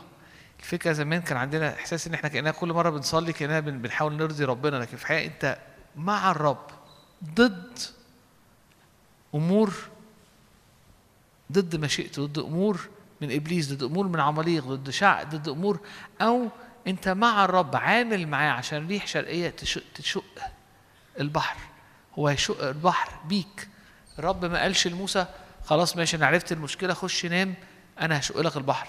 وصحي تاني يوم موسى لقى البحر جاهز وعدى موسى وقف ورفع عصاه وقعد رافع العصا وفي ريح شغالة وبرضه ما عملش اللي هو إيه ما دس زرار فابتدت الريح ودخل نام وصحي تاني يوم لقى الريح عملت شغلها. هو فضل رافع إيده عشان الريح تفضل تهب لحد ما العمل أكمل على الصبح وش الصبح. اللي عايز أقوله إنه الصلاة واقفه ممكن تاخد وقت وغالبا بتاخد أوقات طويلة. ده طبيعي. دي حاجة الكتاب بيشرحها كتير فما تستغربش. عشان كده الكتاب بيقول الذي يعلم يدي القتال وأصابع الحرب. أمين؟ سيلفانا؟ إحنا خدناكم ورا بعض كده. إيه حطيناكم ورا بعض؟ آه حطينا عيني ورا بعض. آه، كل سنة وأنتم طيبين. آه، أحب أعرفكم بنفسي يعني. أنا اسمي سيلفانا. أنا في سنة رابعة كلية تربية بدرس علم نفس. بس عايزة آه، يعني أشارك وأشكر الرب وسط إخواتي باللي عملوا معايا في شهر يناير اللي فات في 2023 يعني بنستفتح السنة كده باختبار يعني. آم، فجأة وأنا قاعدة بذاكر في امتحانات اللي هي نص السنة آه، جات لي أعراض غريبة جدا جسمية. جسمي كله بيرتعش آه، إيدي فيها برودة نفسي بيروح نبضات قلبي رايحة خلاص يعني أنا سامعاها وأنا قاعدة كده سامعاها. زائد أعراض بقى نفسية تانية أنا عندي خوف شديد جدا عندي توتر وقلق علميا حاجة اسمها نوبة هلع مع بقى الأعراض الجسدية ديت. كل ده ليلة الامتحان بقى. فأنا قاعدة يعني مش ماسكة يعني مش قادرة خلاص قاعدة شبه الجيلي كده اللي هو إيه يا لهوي ألم كل ده إزاي؟ ف مش عارفة أصلي مش عارفة أعمل أي حاجة بس إيه، قلت لماما تعالي طب صلي لي اعملي أي حاجة. يعني لو دي هجمة من إبليس أو دي روح فشل أو روح خوف ففي اسم يسوع تكون بتقف يعني. قالت لي خلاص تمام ماشي تعالي نصلي. انت تلاقيكي متوترة بس عشان دكتورة المادة دي كانت حد لذيذ جدا. فقعدنا نصلي ويعني كلمت خالته برضه قعدنا مع بعض نعمل حلقة صلاة كده. هديت لميت المادة رحت الامتحان عكيت اللي عكيته ورجعت تاني. آه تاني يوم الأعراض بتزيد أكتر. وأنا مش عارفة ده استرس يعني دوت ولا ده هجمة ولا في إيه أنا مالي مش عارفة. فبابا قال لي خلاص إحنا هنروح للدكتور نشوف فيكي إيه مالك. فماما قالت له طب إحنا لو وديناها إحنا هنوديها دكتور نفسي تهدئة ده يديها مهدئات ولا دكتورة عصبية آه، مخ واعصاب يشوف أعصابها التعبانة ولا هنوديها فين؟ يعني أنا إيه متدشملة كلي على بعضي كده في الضايع يعني. ف بابا نزل وداني الدكتور الدكتور قال له لا لا لا دي ما عندهاش أي حاجة. دي تمام. هي بس عندها شوية ستريس من الامتحانات ومتوترة وكده. وأنا عايزة أقول له لأ أنا أنا مش متوترة من الامتحانات أنا في حاجة غلط فيا. وراح قال له لأ روح بيها بس وهديها لها حاجة تشربها كده وتهدى وبتاع. روحت وحاسة إن أنا أنا بسقط. يا نهار أسود أعمل إيه؟ يعني أنا مادة راحت مادتين بيروحوا مني وأنا المفروض ان أنا ممتلكة وعد من زمان قوي انه الرب هينجحني وان كل حاجة أنا بعدي فيها بنجح ودوت أنا شفته في كتير يعني. فانا جيت بقى عند ديت ومش عارفة بقى اكمل بقى بالوعد ده. جيت يا رب بص أنا مش قادرة اصلي أنا مش قادرة اعمل اي حاجة أنا ولا مركزة في في في كتاب ولا مركزة كلام الناس اللي حواليا كل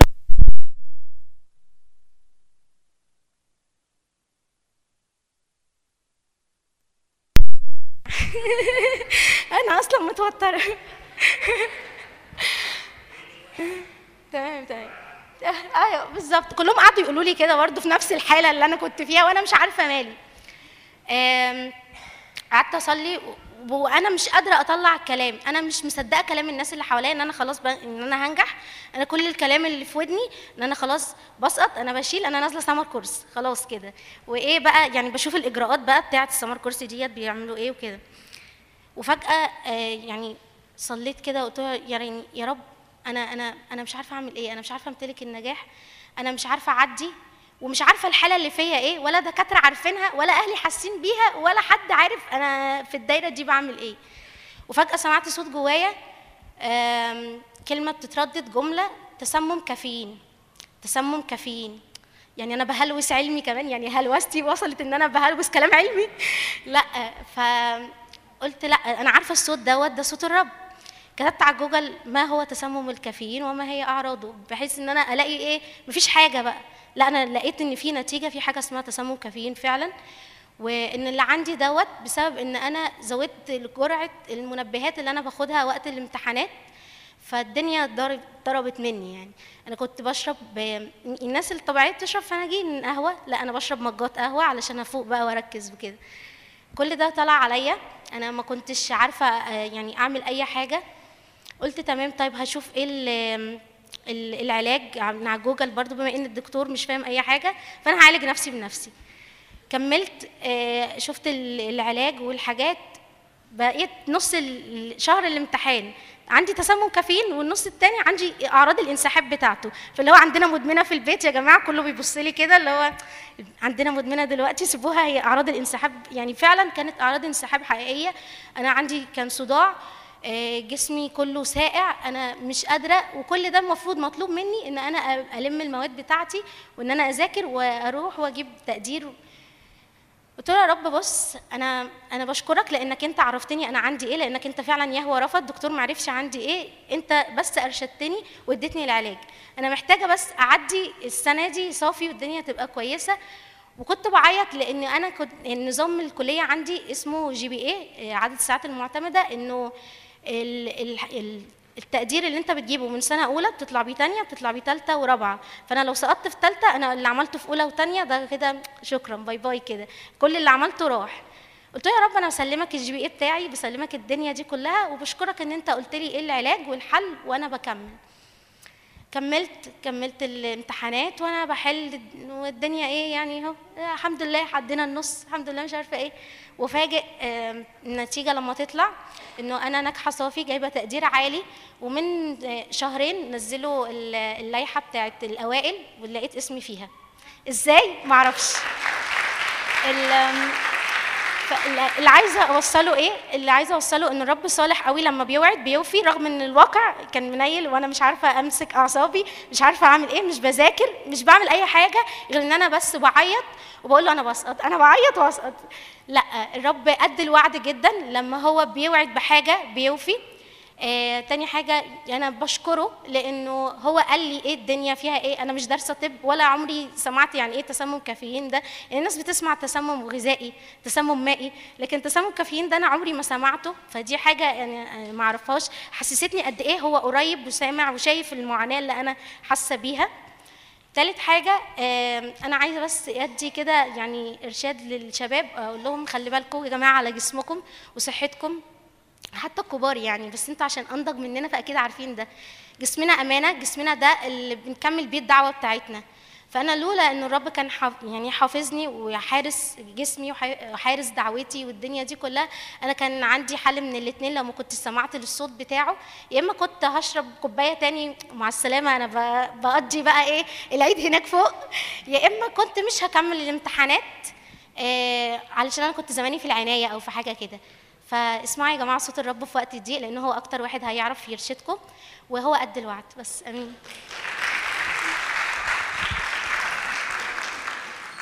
أنا بس عايز عايز أشاور على حاجة هي قالتها. خدتوا بالكم ف... كنا بنقول إن كنت تسمع صوت الرب إلهك. هو هو ده إن إحنا عشان. أنت عايز دايما تسمعه في في ال- في المواضيع الكبيرة. بس عشان تعرف تسمعه في المواضيع الكبيره تسمعه في المواضيع الصغيره كل يوم تقعد قدامه كل يوم تقعد قدام الكلمة كل يوم في حاجات صغيرة. يعني اقعد يعني ساعات يبقى جواك صوت صغير إنه اقعد قدامي. الرب يفكرك بآية. ده صوت الرب. ارجع وافتح الآية و... الصوت الصغير صوت الرب. لما ابتدي أسمع لصوت الرب وأتحرك فيه هتلاقي في الحاجات الكبيرة يعني بمعنى إيه؟ قصدي في حاجة زي الوضع ده. الدنيا ملخبطة الدكاترة مش فاهمة. أنت خلاص عرفت الصوت شفت هي قالت إيه؟ أنا عارفة الصوت ده بس ما أعرفش كلمة تسمم كافيين بس أنا عارفة الصوت ده. فصوت الرب الرب قال لك إن كنت تسمع لصوت الرب إلهك. فغالي قوي إن إحنا نبقى بنسمع لصوت الرب. خرافي تسمع صوتي. إن كنت صح؟ تسمع كلمة خلفك. قال لك هذا هو الطريق أسلك فيها. آمين. إحنا لسه عندنا خلاص يعني عندنا كام لسه عندنا حاجات جميلة تاني. كارمل؟ شيخ.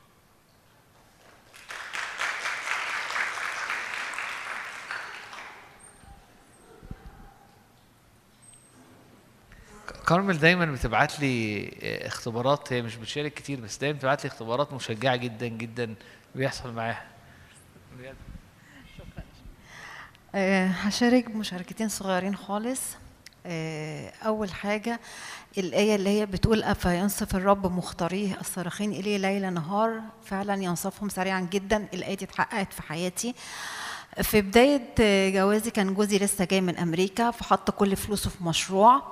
وأنا كنت بساعده في المشروع دوت بس لما جت فترة الحمل والولادة طبعا ما بقتش أروح فابتدى يتكل على حد تاني يساعده فجاب واحد يشتغل عنده للأسف طلع غير أمين و... وعرف كل أسرار الشغل بتاعه وسرقنا. أنا كنت الإنسان ده مش مرتاحة له خالص وكنت بصلي يا رب كنت بقول لجوزي لا لازم يمشي. فكان يقول لي لا ده هو بيساعدني وأنا متكل عليه وكده. فأنا كنت بصلي يا رب عايزك تمشيه بأي طريقة لأن هو جوزي مش عايز يمشيه. فقعدت أصلي كده لحد ما جوزي اكتشف إن هو سرقه في مبلغ. فقال لي لا خلاص أنا همشيه. فراح عشان يواجهه. فطبعا قال له أنا ما سرقتش حاجة منك وأنت ما فيش أي إثبات يثبت إن أنا سرقت. علوم أنا كده كده أصلا كنت ماشي ومش عايزه أشتغل عندك. قلت الحمد لله يا رب مش مشكلة الفلوس الحمد لله مشي وخلاص. أسبوع لقيناه فتح جنبنا نفس المشروع بتاعنا أخد كل الناس بتاعتنا قعد كرسي على باب المحل قعد يقول لكل الناس تعالوا لأنه شارك واحد مسلم. فكان كل إحنا كنا الناس المسيحيين الوحيدين في الشارع فكان كل الناس اللي بتجيلنا راحت عنده. طبعا قضينا ثلاث شهور يعني مأساة حزن وضيق ومفيش فلوس أصلا مفيش حد كان بيخش لنا. كنا فترة صعبة كنا لسه جايبين البنات فكانت حالة دمار يعني. لكن كان عندنا إيمان إن ربنا هينصفنا لأن إحنا مظلومين ما عملناش حاجة. فكنا عمالين نصلي كل يوم لحد ما, ما وقتها ربنا آه، يعني عمل مشكلة الشريكين مع بعض واختلفوا وقفلوا المحل اللي هم كانوا فاتحينه. وعرفنا إن الراجل اللي كان شغال عندنا خسر كل فلوسه ما خدش منها أي حاجة. والحمد لله كل الناس اللي بعدت عنا رجعت اشتغلت يعني رجعت تاني تشتري من عندنا. وربنا أكرمنا ووسع رزقنا ورزقنا يعني بح- حاجات كتيرة جدا. فالآية دي اشكرها الرب اتحققت في حياتي. الاختبار الثاني أنا آه، في آية بتقول امتحنوا الأرواح. كان عندي ورم من خمس سنين كده ورم حميد أشكر ربنا ورم صغير. فالدكتور قال لي لا ما فيش داعي خالص إن إحنا نشيله ده تعيشي بيه هو مش هيكبر أصلا. اطمنت بصراحة وعشت ونسيته خالص. لكن في بداية السنة دي ابتدى الورم يكبر بطريقة آه، يعني بسرعة جدا. هو ورم داخلي مش ظاهر بس أنا كنت يعني مطمنة طول ما هو حميد. خلاص مش مشكلة. لكن عشان ربنا الآية بتقول في وقته بيسرع به لقيت إن الورم دوت ظهر جنب ورم بس خارجي يعني يبان من بره. فطبعا قلقت جدا فرحت للدكتور. فراح قال لي لأ ده لازم إزاي سايبة نفسك كده. بعد الأشعة طلع إن الورم كبير جدا حجم البرتقانة 9 سم لازم يتشال. ده قال لي انت لسه ساكتة كده تاني يوم لازم تيجي تعملي العملية. طبعا أنا كنت قلقانة جدا ومش عارفة أخد قرار. ف قلت لنفسي لا أنا ممكن ربنا يعمل معايا معجزة ويتفتت الورم دوت. أقنعت نفسي بكده من غير ما أسمع صوت ربنا ولا حاجة. لقيت واحد واعظ على النت كان بيصلي بيقول باسم يسوع اللي عنده ورم ربنا تيجي نار الروح القدس تفتت الورم دوت ويخف بدون أي عملية. قلت آه يا رب الحكاية دي ليا خلاص أنا هاخدها وهصلي بيها. قعدت أصلي بيها وبعد كده كان في قسيس تاني برضو على النت قلت له يصلي معايا قلت له أنا عايزة إن ربنا يفتت الورم دوت بدون أي عملية. فقال لي آه أنا شايف إن ربنا هيعمل معاكي معجزة وإن الورم هيتفتت ومش هيحصل أي حاجة ولا تخش عمليات ولا حاجة. اطمنت جدا قلت يا رب خلاص ده المرتين ناس سمعت منه يبقى خلاص أنت رايد الموضوع دوت. وقعدت أصلي وفات 3 4 شهور والورم بيكبر ومفيش حاجة بتحصل وأنا أصلا ما سمعتش صوت ربنا. يعني أنا غلطانة. أنا دايما كنت أحب الآية اللي هي بتاعه رفقة اللي قالت لما حست إن هي حامل في أمتين راحت تسأل الرب فذهبت تسأل الرب. والآية اللي بتقول من يبكر إلي يجدني. أنا ما عملتش بصراحة بالآيتين دول. تخيلت حاجات في دماغي ومشيت ورا دماغي. المهم في واحدة صاحبتي هنا في الاجتماع حبيبتي راحت قالت لي انت ليه عايزة أبقى ربنا يعمل لك معجزة؟ ما انت ممكن تروحي للدكتور وربنا يعمل لك المعجزة هناك آه، في العملية الدكتور يشوف مجد ربنا المهم يحصل أي حاجة طول ما انت ما سمعتيش كلمة من ربنا فخلاص ما تمشيش في الاتجاه ده. بصراحة ارتحت. لكن في صوت جوايا إبليس بقى. انت هتسمعي كلام الأسس اللي صلوا لك كلام ربنا ولا كلام صاحبتك. هتعملي إيه؟ هتمشي في أنهي طريق؟ أنا طبعا كنتش عارفة خالص. لكن ساعتها لجأت قلت يا رب أنا هصلي وأنا بسألك أنت عايز إيه؟ إيه مشيئتك؟ أعمل عملية ولا ما أعملهاش؟ أنا عايزة أسمع صوتك. وفعلا ربنا خلاني أحلم حلم إن أنا بشوف العملية بتتعمل بطريقة معينة. قمت الصبح قلت خلاص أنا هعمل عملية. كلمت الدكتور قال لي تاني يوم تيجي على طول. رحت الحمد لله أشكر ربنا عملت العملية وطلعت في نفس اليوم وكنت زي الفل. وكان ممكن أنزل تاني يوم بس لولا ان حاطة شاش و... وفي لسه سلك عايز يتشال. بعد أربع أيام رحت للدكتور وأنا عايزة أعرف الحلم اللي حلمته ده ده حقيقي ولا ولا دي توهمات من عندي ولا وعايزة أسأل الدكتور بس طبعا الدكتور كان ممكن يقول لي انت بتفهمي في الطب انت مالك؟ كان ممكن يجرحني يقول لي أي حاجة يعني. فقعدت ساكتة. قبل ما الدكتور يفك السلك قال لي على فكرة أنا هقول لك على حاجة أنا السلك لما افكه أنت أصلا مش هتشوفي مكان العملية ولا هتعرفي أصلا إن كان عندك عملية وأنا عملتها لك بطريقة كذا كذا كذا كذا. نفس الطريقة اللي ربنا ورهاني في الحلم هو الدكتور اللي عمل بيها الطريقة. فأشكر ربنا فده أنا بقول إن إحنا لازم نختبر أو نمتحن الأرواح مش أي حاجة نسمعها نمشي وراها لازم نسأل الأول ربنا دي مشيئتك يا رب ولا دي مش مشيئتك؟ شكرا.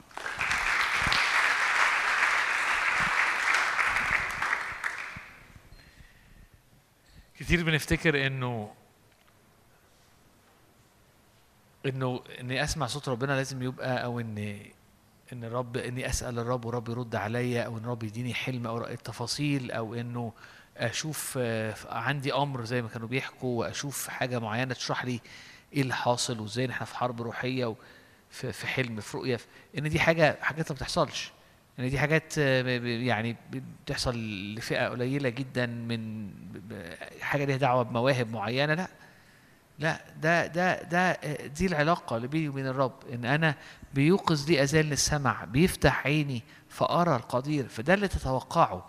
لما بنتكلم على المجد لما بنقول عايزين نشوف المجد عايزين السنة دي نجري ورا الرب عايز السنة دي يحصل كذا قد إيه مشبعة نوع الحياة دي؟ قد إيه مشبعة الحياة؟ ده أنا. هو بيقول لي بس إن السبع دقايق خلصت. قد إيه مشبع إن أنا أعيش بالطريقة دي؟ ان, إن أنا أعيش زي دايما بصوا على أو دايما هرجع لقصة موسى. الشعب وموسى الاثنين كانوا ماشيين في نفس السكة بيعدوا بنفس الحاجة لكن موسى كان عنده اللي إحنا بنحكي عليه ده إن الرب يكلمه وهو بي بي بي بي بي بيطلب من الرب والرب يرد عليه إيه، كان الرب بي- بيعلمه كان بيوريه. فكانت السكة مختلفة. الشعب كان شايف نتائج حلوة لكن ده مش مشبع كان تاهوا برضه. فإحنا مدعوين للنوع ده إحنا مدعوين إن إحنا نقعد قدام الرب والرب يفتح عينينا آه، على حقه وعلى شخصه وعلى ويتكلم معانا في تفاصيل ويغير أمور. يغير أمور في مفاهيمنا وفي طريقتنا وفي عنادنا في أمور معينه أنا عايزه بالطريقة الفلانية أنا عايز الوضع يخلص كذا. وباخده وبسنطره وبصلي عليه وبعد كده واحد واعظ قال لي أو واحد صلى معايا خدت كلمة منها وب وبعيش كده. وأقول آه لأ ما هو ده صوت ربنا ده لأ هي بتحكي إنه أنا ما طلبتش الرب أنا ما قعدتش قدام الرب أنا ما سكتش قلبي أنا ما استنيتش قدامه. آه، و- آه، أنا ما خدتش انطباعات منه. أنا ما امتحنتش. هي دي المسيرة هي دي السكة. خرافي تسمع صوتي فتتبعني. عشان كده ت- يعني تربط ده باللي ابتدينا إن كنت تسمع لصوت الرب إلهك لتعمل آه، الحق. لو أنت لو أنت علمت تعيش بتسمع. وبعد كده بتتحرك. في نهر شفاء مرض الموضوع المصريين قضوا عليك. في حاجة بتحصل. اللي حصل معاها إن الرب قال لها اداها إيه اللي هيحصل؟ اداها إنه أنا هشفيكي بالطريقة الفلانية. وب... و... ومع ده وهي رايحة للدكتور كان في حاجة حاصلة كان الرب يتحرك على الدكتور. فالدكتور جات له حكمة معينة زي يعمل العملية وعملها بحكمة الرب وبقوة الرب فطلعت النتيجة. فده شفاء لأنها مش حاجة طبيعية مش عملية طبيعية ومش بطريقة طبيعية. الكورونا والوضع اللي حصل مع مشيل في حاجة الصلوات عملت حاجة. وكانوا ممكن ي... والرب اداها فهم إنه إنه دي دي مش مجرد حاجة عادية ده دي حرب وهتكملوا وهتكملوا تصلوا وخدت مدة. لما حصل تعب مفاجئ لأنه هي لأنه هي عارفة الصوت ف فوهي بتطلب من الرب الرب كلمها فعرفت تسمع. الفكرة مش إن الرب ما بيتكلمش الفكرة إن إحنا ما عندناش لسه عايز لسه حواسنا مش مدربة إنها تسمعه. في وسط ناس كتير فالرب عايز يدرب حواسك إنك تسمعه. الذين بالتمرن قد صارت لهم الحواس مدربة. أمين؟ عايز عايز آه إحنا بنخلص. أنا عايز بس أختم بحاجة وبعد كده هن هن هنعمل هن هن هن هنعبد وقت قليل أو نختم بصلاة مع بعض عشان إحنا عندنا حاجة نشربها وناكلها وكده صح؟ عندنا أكل وشرب هنتأخر سنة هنقعد ناكل ونشرب مع بعض شوية. الاجتماع ابتدى في اسكندرية وقت الكورونا. لما كانت كل حاجة قافلة. إحنا في بيتنا إحنا أول ناس خدنا يعني أنا إحنا أنا ما جاليش كورونا لكن مامتي سافرت لأول مرة من سنين سافرت قالوا بقى هيسافروا يتفسحوا كده وعزمناهم يسافروا أسوان. فكل كل ال... أنا يعني هي وإخواتها البنات إحنا وولاد خالتي وولاد خالتي كل واحد عزم مامته وظبطوا لها ودفعنا كل حاجة وسفرناهم يتفسحوا مع بعض. انبسطوا جدا. رجعوا فاكرين لما قالوا إن كان في فوج؟ في أسوان. أول الكورونا خالص. أتاري الفوج ده كان معاهم. فرجعوا. ماما جات لها كورونا ما كانش حد يعرف إيه الكورونا دي بقى في الأول خالص خالص يعني كان في مارس. طبعا مين يكلم يعني إحنا كنا ما حدش عارف في مصر. كانت ابتدت بره. فكلم واحد صاحبي في كندا عشان يقول لي إيه البروتوكول اللي عنده لأن هنا لسه مش لسه في الأول. ف فده كان في مارس. وإحنا كنا بنيجي هنا مرة في الشهر لو تفتكروا. كان قبليها بسنتين. في شهر خمسة يعني ماما عدت عليها الكورونا وكنت أنا قاعد معاها أنا وأختي وبعد كده بقت كويسة. رجعت البيت عن يعني رجعت قعدت بقى مع مراتي والعيال و... وكانت الناس بقى بتاع هلع الكورونا يخش على الناس. وقفوا الاجتماعات وقفوا الدنيا. وبعد كده كانت بقى ابتدت الفيسبوك بقى الكراسي اللي لسه متأخرة شوية في, في القفل ابتدت تتهاجم. وبعد كده نزل قوانين اتقفلت كل حاجة. مبقاش في صلاة مبقاش في كنايس مبقاش في أنا فاكر في شهر خمسة أو شهر حاجة كده بتهيألي كانت في خمسة. وربنا عمال يشغلني بإسكندرية. فامين كلمت يوسف. فقلت له أنا حاسس إن أنا عايز أجي أنا مش عارف هو إيه ده. قال لي طب استنى أسأل. سأل هنا قالوا له آه بنأجر. قال لهم الأمن ما, يعني لا ما مش بنأجر يعني هنفتح الكنيسة. آه ينفع حد يجي. فاكر يوسف؟ يوسف أنت متأكد؟ آه آه. طيب بس الناس تخش بكلمات ولا قال لي آه. آه يعني مش هي مش هيدقوا على الباب. فقلنا فأنا فاكر جينا وغير لأنه الناس كانت تعبانة جدا وكانت الدنيا فالكنيسة كانت مليانة على الآخر والباب يعني مش زي كده الدنيا فيها مساحات مليانة. وكان اجتماع غير عادي وبعديها وأنا هناك ربنا وأنا موجود سمعت صوت تعالى تاني. فواحنا واقفين قلنا هنيجي الأسبوع اللي بعديه. فجينا في أسبوعين ثلاث مرات. طبعا كانت ناس عايز صلاة. واللذيذه إن كانت في ناس عايزة صلاة عشان عندها أعراض كورونا. فأنت فأنا أنا جاية الناس تصلي فأنا حاسس إن أنا عندي كذا وكذا وكذا وكذا. كورونا. ممكن تصلي معايا؟ وفي فين الماسك؟ مفيش ماسك. فين أي حاجة؟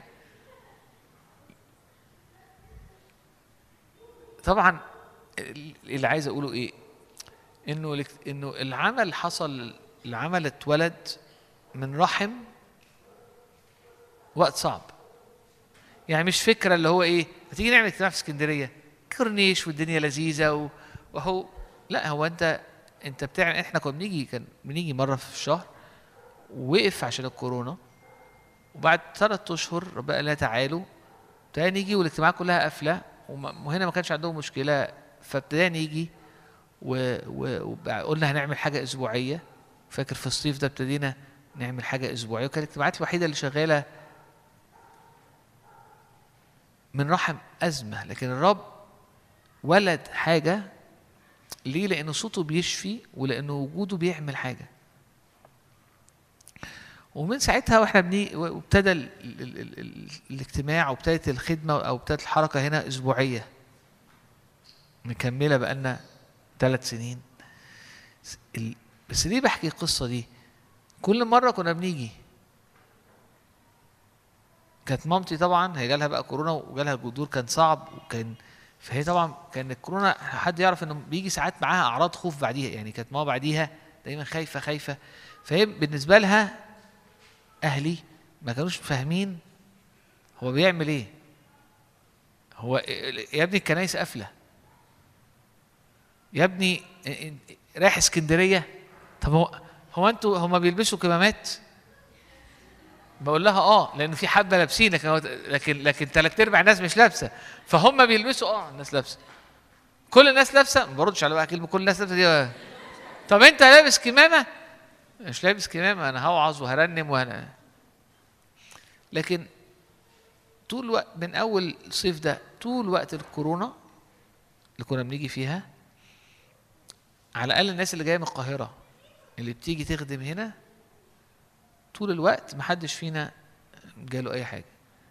مش بقول إنه إنه إنه الناس اللي جالها في حاجة في حاجة غلط لأن أنا أعرف ناس كتيرة أمينة وخدام كويسين وجالهم كورونا بس عايز أقول إنه صوت الرب كان تعالوا واعملوا كان في نعمة خاصة لدرجة إنه مش مثلا الناس حد جاله اعراض إحنا ما جالناش حاجة. ولا إحنا ولا بيوتنا. يعني لا حد بيجي هنا ولا بيوته جاله. ليه؟ لأنه الرب هو اللي قال لنا اتحركوا.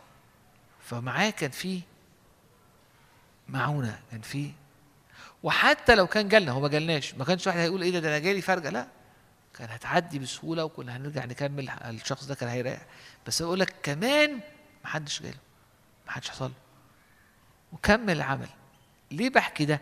عشان أقول إنه إن هو ده الرب. إنه إنه هو لما هو بيتكلم لما هو بيحركك لما هو بيحرك العمل لما هو لأنه عايز يعمل حاجة. عشان كده غالي على العمل أو الحركه أو اللي حاصل وسطنا غالي. غالي لأنه في ناس جميلة وفي ناس رائعة في وسطنا ورب يزرع حاجة وفي حاجات حلوة بتحصل. مرة إحنا السنة دي ما لغيناش كتير السنة اللي قبليها في 2022 لغينا كذا مرة أكتر من 23 23 ما لغيناش كتير. ففاكر حد مرة كلمني جالي إيه؟ أنتوا لغيتوا الاجتماع الم... فهي ما كانتش تيجي خالص. بس انت مش فاكر كان آه هي كانت واحدة. قلت لها بس انت مش بتيجي خالص. قالت لي لا ما أنا أجيش. أوكي بس عارفة إن أنتوا موجودين ببقى مطمنة. لكن أنتوا ما تلغوش. أنا أبقى عارفة إن الاجتماع شغال أنا ممكن آه اكسر ربنا يعني كده ببقى عندي مش عارفة. بس أنتوا تيجوا. و... وعندها حق. عندها حق مش إنها ما تجيش. عندها حق انه إنه وجودنا مع بعض صلواتنا الحاجة اللي حاصلة في الوسط بتأثر مش بس على الناس اللي بتيجي لكن حتى على الناس اللي ساعات تبقى مش قادرة تيجي رغم إن هي المفروض تبقى موجودة لكن بتيجي معونة ليها في حتتها. فإحنا بنشتغل العمل مش بنشتغل العمل عشان إحنا جزء منه لكن إحنا بنشتغل العمل لأنه في صواب في في أصابع الرب في إصبع الله وده اللي بيخليه غالي. ورب عنده دعوة للمدينة وعنده دعوة لكل حد فينا وعنده مقاصد لكل حد فينا. فأنا بشجعك ال 24 إنك تاخد الكلمات اللي اللي, اتشاركت وتفكر فيها تاني وتطلع منها دروس. وفي نفس الوقت تبص على السنة الجاية تقول يا رب أنت هتعبر بيا. لسنة مش شبه السنين اللي فاتت ومش بتكلم على الظروف مش شبهها في انتدابي ليك. مش مش شبهها في في التصاقي بيك ومشي وراءك وسماعي لصوتك ورؤيتي لأمور أنت عايز تتعلمها لي وت- وتعملها في حياتي. فلما ده يحصل جوايا كأسي هيبقى راية. في آية تقول كده كأسي راية كأسي مليان منك. فالسنة مختلفة. السنة مختلفة لأن عيني هتكون مختلفة. في مثل يقول لك الجمال الجمال بحسب العينين اللي بتبص عليه أو أو beauty is in the eyes of the beholder. يعني ف فكتير هختم بال- بال- بالحتة دي. وقت يسوع. لما يسوع كان ماشي. يوحنا يتكلم على الوقت ده يقول إيه؟ رأينا مجده مجدا كما الوحيد من الآب مملوء نعمة وحق وبيحكي بيحكي. نفس الوضع نفس التفاصيل. يهوذا ما لحقش يكتب لأنه انتحر. كان هيبقى رأيه عن السنين دي مختلف. قائد روماني أو أو واحد آه، من من الهيكل من ال من الكتبة أو من الفريسيين لو يتكلم على الحقبة دي أو على اللي حصل السنة أو الأوقات دي كان يقول حاجة تانية خالص ليها دعوة بال- بالسياسة أو ليها دعوة بروما أو ليها دعوة ببيلاطس أو ليها دعوة. كلهم عاشوا في نفس الحتة. لكن عينين يوحنا شافت المجد شافت يسوع فكانت وشا- وشافت ظروف كتير تانية لكن بتوصف اللي شافته بالروح. الناس التانية عينيها عدت على يسوع وشافت ظروف وشافت سياسة وشافت فلوس وشافت آه، آه، ظروفها وبيتها و... فحكت حاجة تانية خالص واختبرت حاجة تانية خالص. فماليش دعوة بالظروف. لكن عينك أنت اللي انت هت- هت- هتركز عليه لو ركزت على الرب هتشوف مجد هتشوف حاجة هتوصف حاجات تانية وتختبر أمور تانية. وينفع تيجي في آخر 24 وتقول إيه؟ ورأيت مجده مجدا كما الوحيد من الآب. مش عشان الظروف شكلها إيه لكن عشان اللي حصل معاك في أوضتك وفي عينيك وكاختبارات عامل إزاي.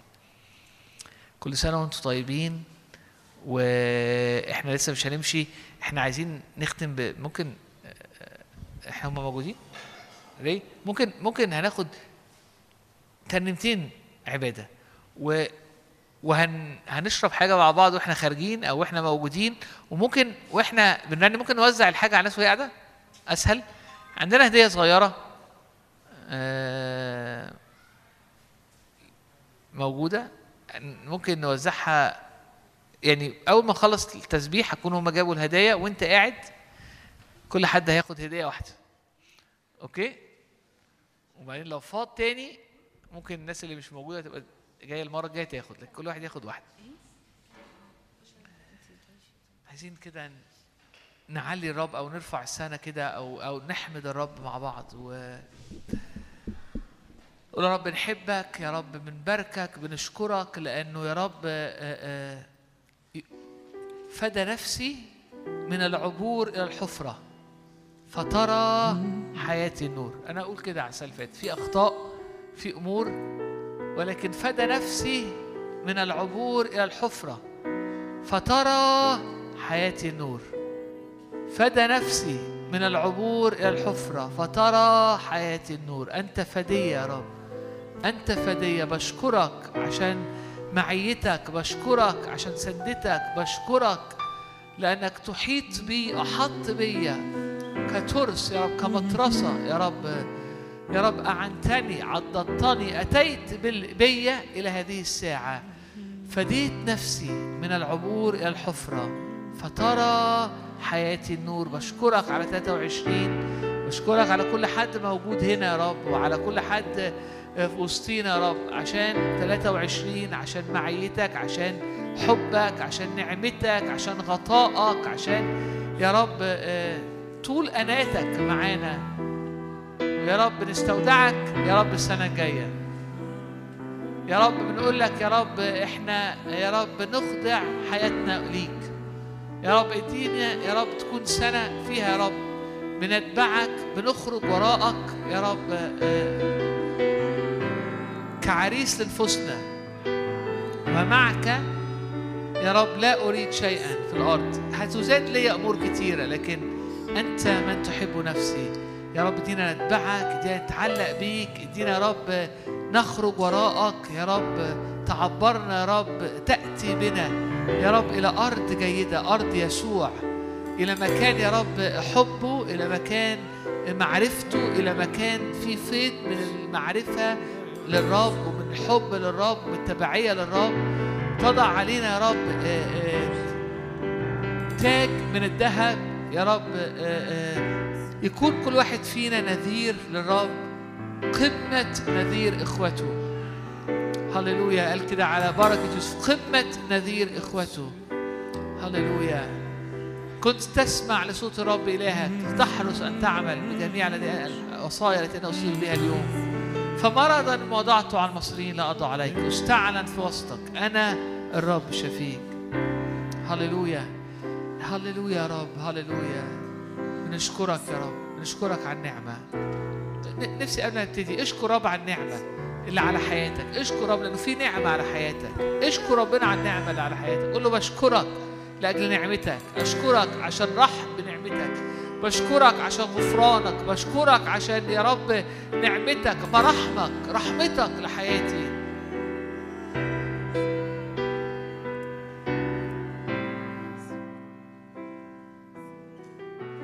طويل الروح كثير الرحمة لم يصنع معنا بحسب خطايانا ولم يجازينا بحسب أثمنا. كبعد المشرق عن المغرب أبعد عنا معاصينا. لم يجازيني بحسب ضعفاتي ولكن تعامل معايا بحسب حبه ونعمته. فدى نفسي من العبور إلى الحفرة. فترى حياتي نور. الروح وكثير الرحمة. حافظ العهد والأمانة طويل الروح وكثير الرحمة.